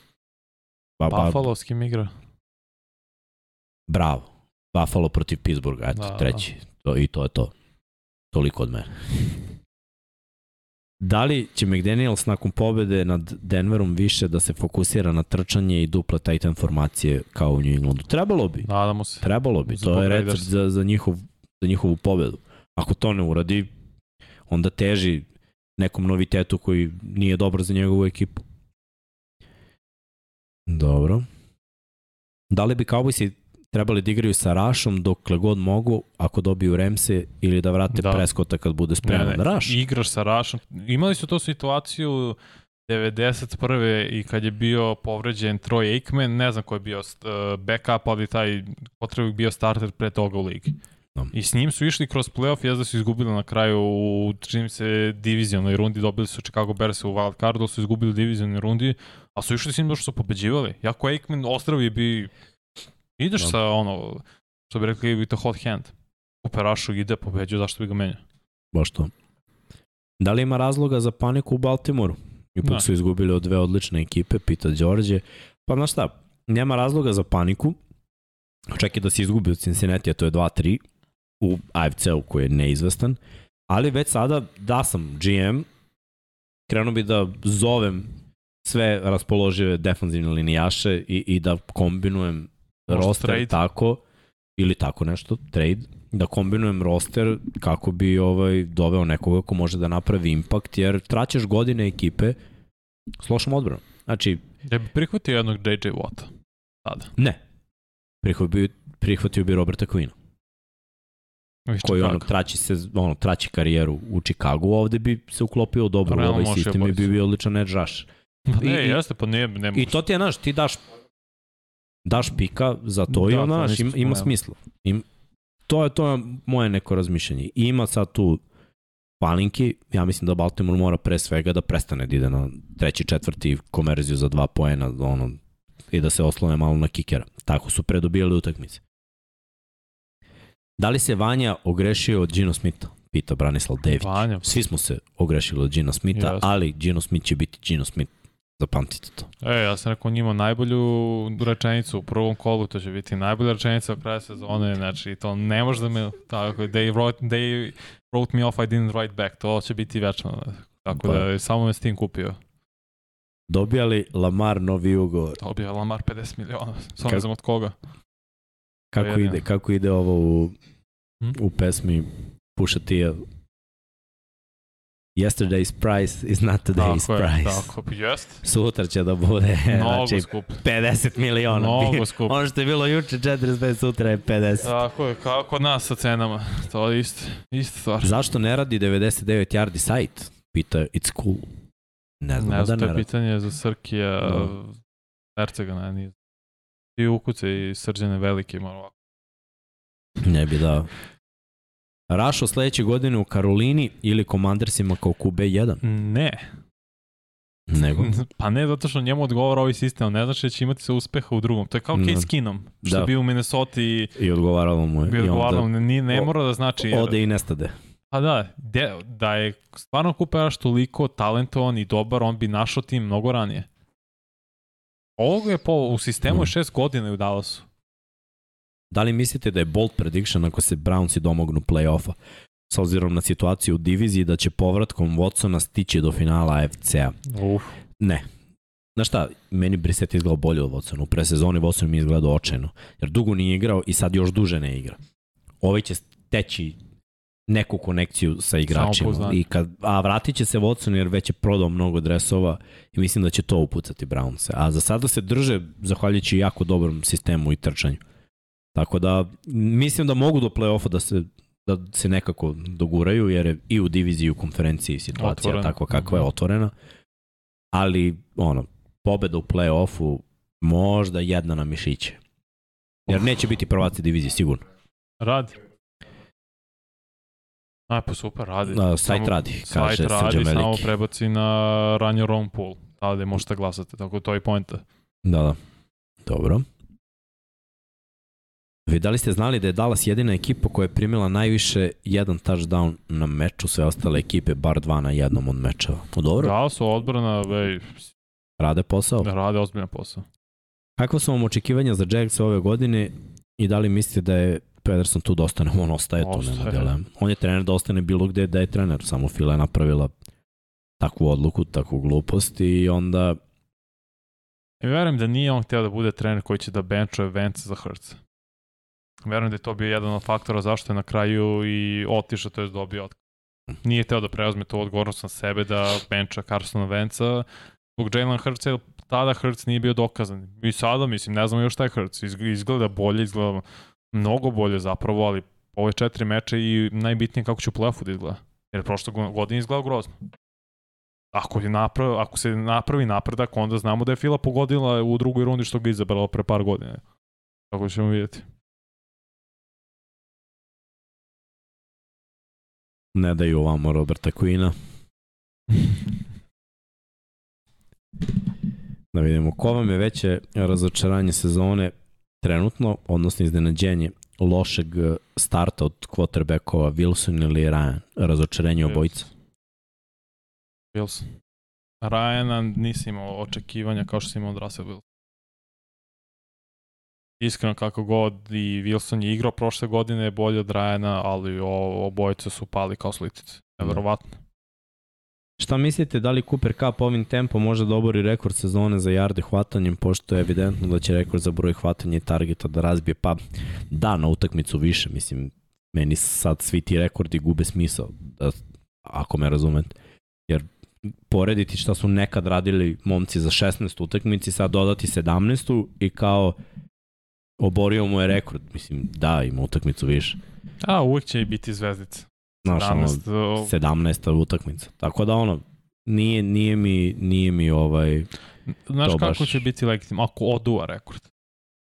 Ali neće oduvati, rekao. Ne, ne, delo mi po hvatanjima je krenuo od Michael Thomas ima Jer on, šta, zna- šta, je, 149. šta je oduvavanje rekorda? Znači, Jel treba tebi da ima... 20 hvatanja više od uvavanja rekord? Meni je. Misliš na broj hvatanja? Da, da, na broj hvata. Ali gledaj koliko ima više targeta, to je, to je jedna utakmica. On ima 20 po tekmi. Nije. Nije. mnogo Jardi, znaš šta mi je oduvanje? Da ima tipa 200 i plus jardi više. od rekorda. A Megatron da. je već zapucao, znaš, ono skoro 2000 jardi, znači ti bi trebao da imaš 2200 na 200, 17 da, da. tekmi. Ako to to, uradi, da. Ali to je nemoguća misija, da ti kažem. Imaš 17 utakmica. Okay, Znači, svaku moraš da imaš, ono, 150. bukvalno. Tako. Mislim da je to nerealno. Uh, kad će Vanja da radi neki prenos? Ne voli Vanja prenose. Vanja voli podcast. Ko zna. Seattle ima najbolji procenat eksplozivnih napada, pasevi za 16 ili više yardi, trčanje za 12 ili više yardi, ali odbrana je najgora u ligi uz Lions. Ima tu još ekipu koji su najgore, polako. nemojte, nemojte tako. Yards after catch, da li treba Mhm. ulaziti u statistiku quarterbacka, to ja kažem da treba ljudi. Mislim, Šta šta je pitanje? Kaže, Čelik Zenica kaže yards after catch. Mislim, jak yardi, ako pogledaš Garoppolo mm. -hmm. prošle godine, od 3 i nešto hiljade koliko je bacio, hiljadu i po je bilo after catch. Da, da. I ti sad gledaš, znaš, ono, on, koji ode? On baci screen, Znaš ko To to, je ne pas. gleda? To oni, uh, da kažem, casual fanovi ne vide to. Ljudi znaju, ko prati intenzivno NFL, Mm. zna koliko, yardi je Jimmy G imao posle dodavanja. Da. Da. to je zna koliko yardi su hvatači napravili. mnogo. Mnogo. I ne, to važi za sve uh, uh, quarterbackove. Da, I te hvatače više ceni kad uhvati, brate, Tako screen je. i strči 50 yardi, nego, znaš, on uhvati fade za 50 yardi. Uh, hoće li Ramsey dizati formu kako sezona odmiče ili više nisu tako dominantna ekipa? Sve ekipe koje su veteranske favorizovane ekipe dići će formu, samo je pitanje vremena. Naročito Ramsey, znači tek treba da su spostavi trčanje i prošle godine su krenuli traljavo. Ni, a nisu, prošle godine Jesu. su krenuli dobro. A nije to delovalo dobro. Im, koliko su imali? 4-1, 5-1. Jer su, Bili, gledaj, izgubili su ono jedno od Cardinalsa da su ih ovi uduvali. jer, ali ovo ostalo su bili tu negdje. I sad meni, znaš šta, ne deluje mi uopšte dobro. Meni deluju sad gore nego prošle godine na početku. Sad mi deluju gore. Imali su ono i prošle godine su oni imali u sred sezone ono minus od tri meča da je izgledalo apsurd. A, Apokalipsa, bukvalno. Gledaj, pogledaj start što se tiče protivnika prošle godine i ove. Prva tekma Billsi. Naoštreni ludi. Poraz. Na, oduvavanje. Sad 49ersi, tri playa. Trčanje touchdown, hvatanje od 4 yarde, 50 yardi Six. touchdown, pick six. Je razumiješ? Tri akcije. To nije, znaš, to nije loše. Znaš šta je loše? 3 po 3 po 3 po 3, oni ne mogu da se odbrane i prime 5 touchdownova. To je loše. Loše što Tako napad ne funkcioniše. Za sada napad ne funkcioniše, a odbrana dozvoljava big play. Je tako? Je bilo protiv Billsa par big playeva. Da, bili su ih rašafili. Na big play. Znači, ti kad dozvoljavaš big play, to se menja defanzivno tokom sezone, ti to možeš da limitiraš. Problem je što su i oni protiv Ofanzivno mora da- Atlante da uđeš u umalo izgubili. Jedva, 31, Prevelika je bila 27. prednost. Ne prevelika. znam, ali onaš, i u Super Bowl su imali sreće. Evo, izvini, u play-offu prošle godine su imali sreće. Dobro, imali su, istina. Istina. Negde sam čitao da će Tuma možda završiti karijeru, pa to mu neko preporučuje, ali znaš kada će on završiti karijeru, tek treba da dobije prvi ugovor. Da. Igraće sigurno. Svako od nas bi igrao. Preveliki Pa da mi kažu pari. završi karijeru sad ili odigra još dve godine i dobi milionski ugovor, dao bi sve od sebe da dobijem taj ugovor. Makar se povredi u sutradan od potpisivanja. Sigurno će biti zagarantovana suma. Neka su. Bukvalno. Vaši utisci od sezone do sada imali early MVP pikova. Ima. Utisci su meni ono slabe utakmice, mnogo lošeg futbola se igra na sve strane, To je i Tom Brady isto rekao.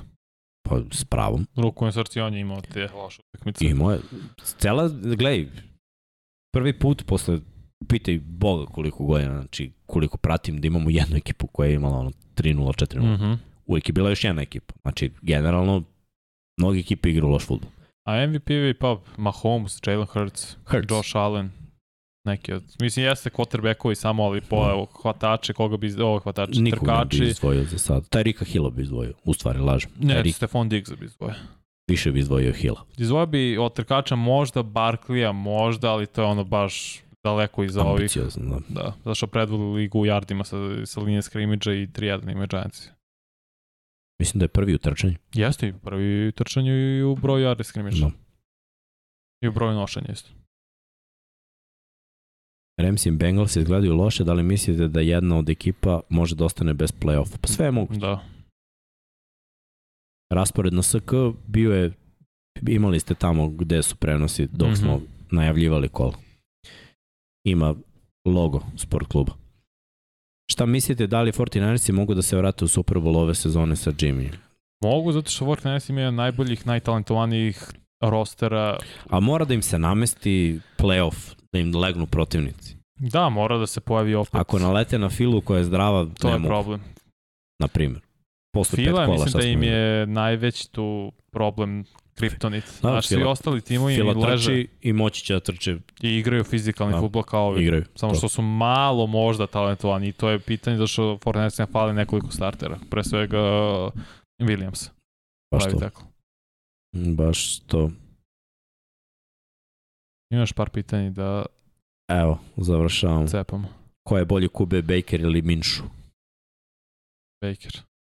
Ali to nije neko. Da. Koji ruke vas je najviše impresioni- impresionirao za sada u napadu i Mhm. odbrani? U odbrani Devin Lloyd, linebacker iz, Jack, iz Jacksonville.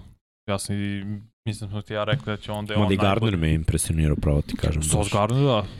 Uh, Dotson, hvatač iz Washingtona, ima četiri hoćena touchdowna, Da. jedino ko je imao Ridley imao na više jedino od njega u njegovoj ruki godine, tako da je on izgleda baš, baš dobro za Washington. Ne znam koga bi još mogu da izdvojim. Mm. Brice Hall isto izgleda dobro za Jetse.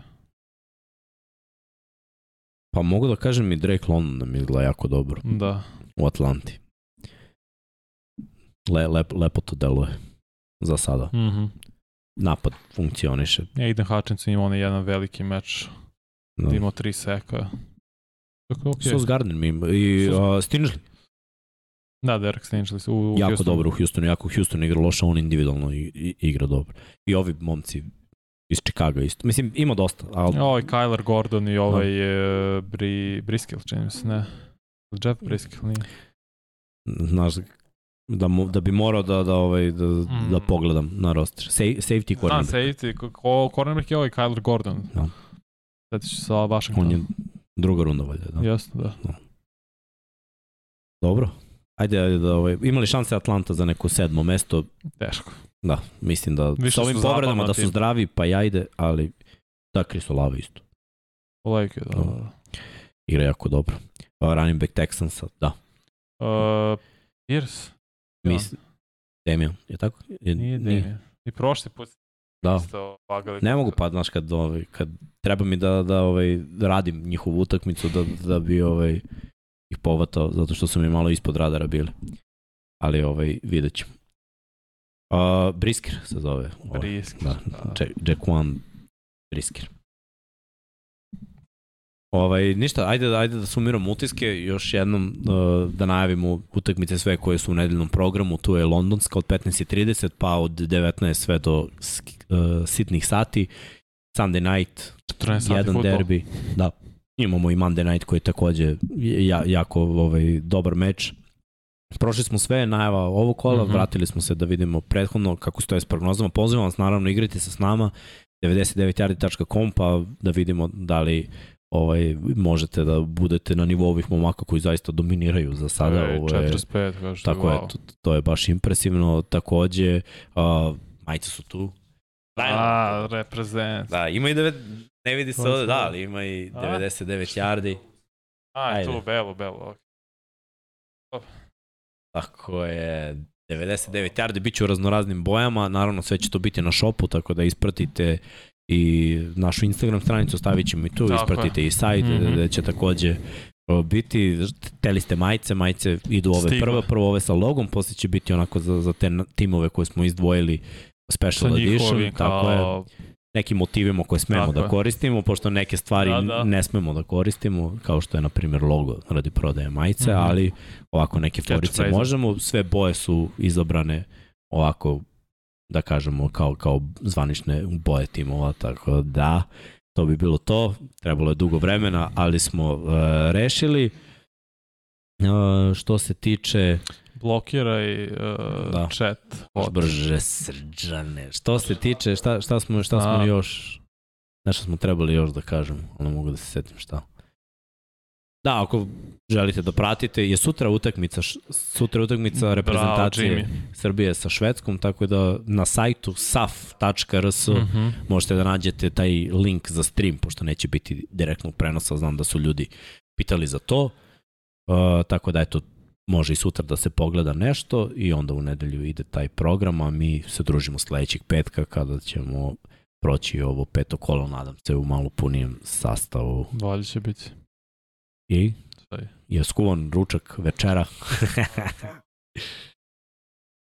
Morat ću vrati posle opremu dole. o, da.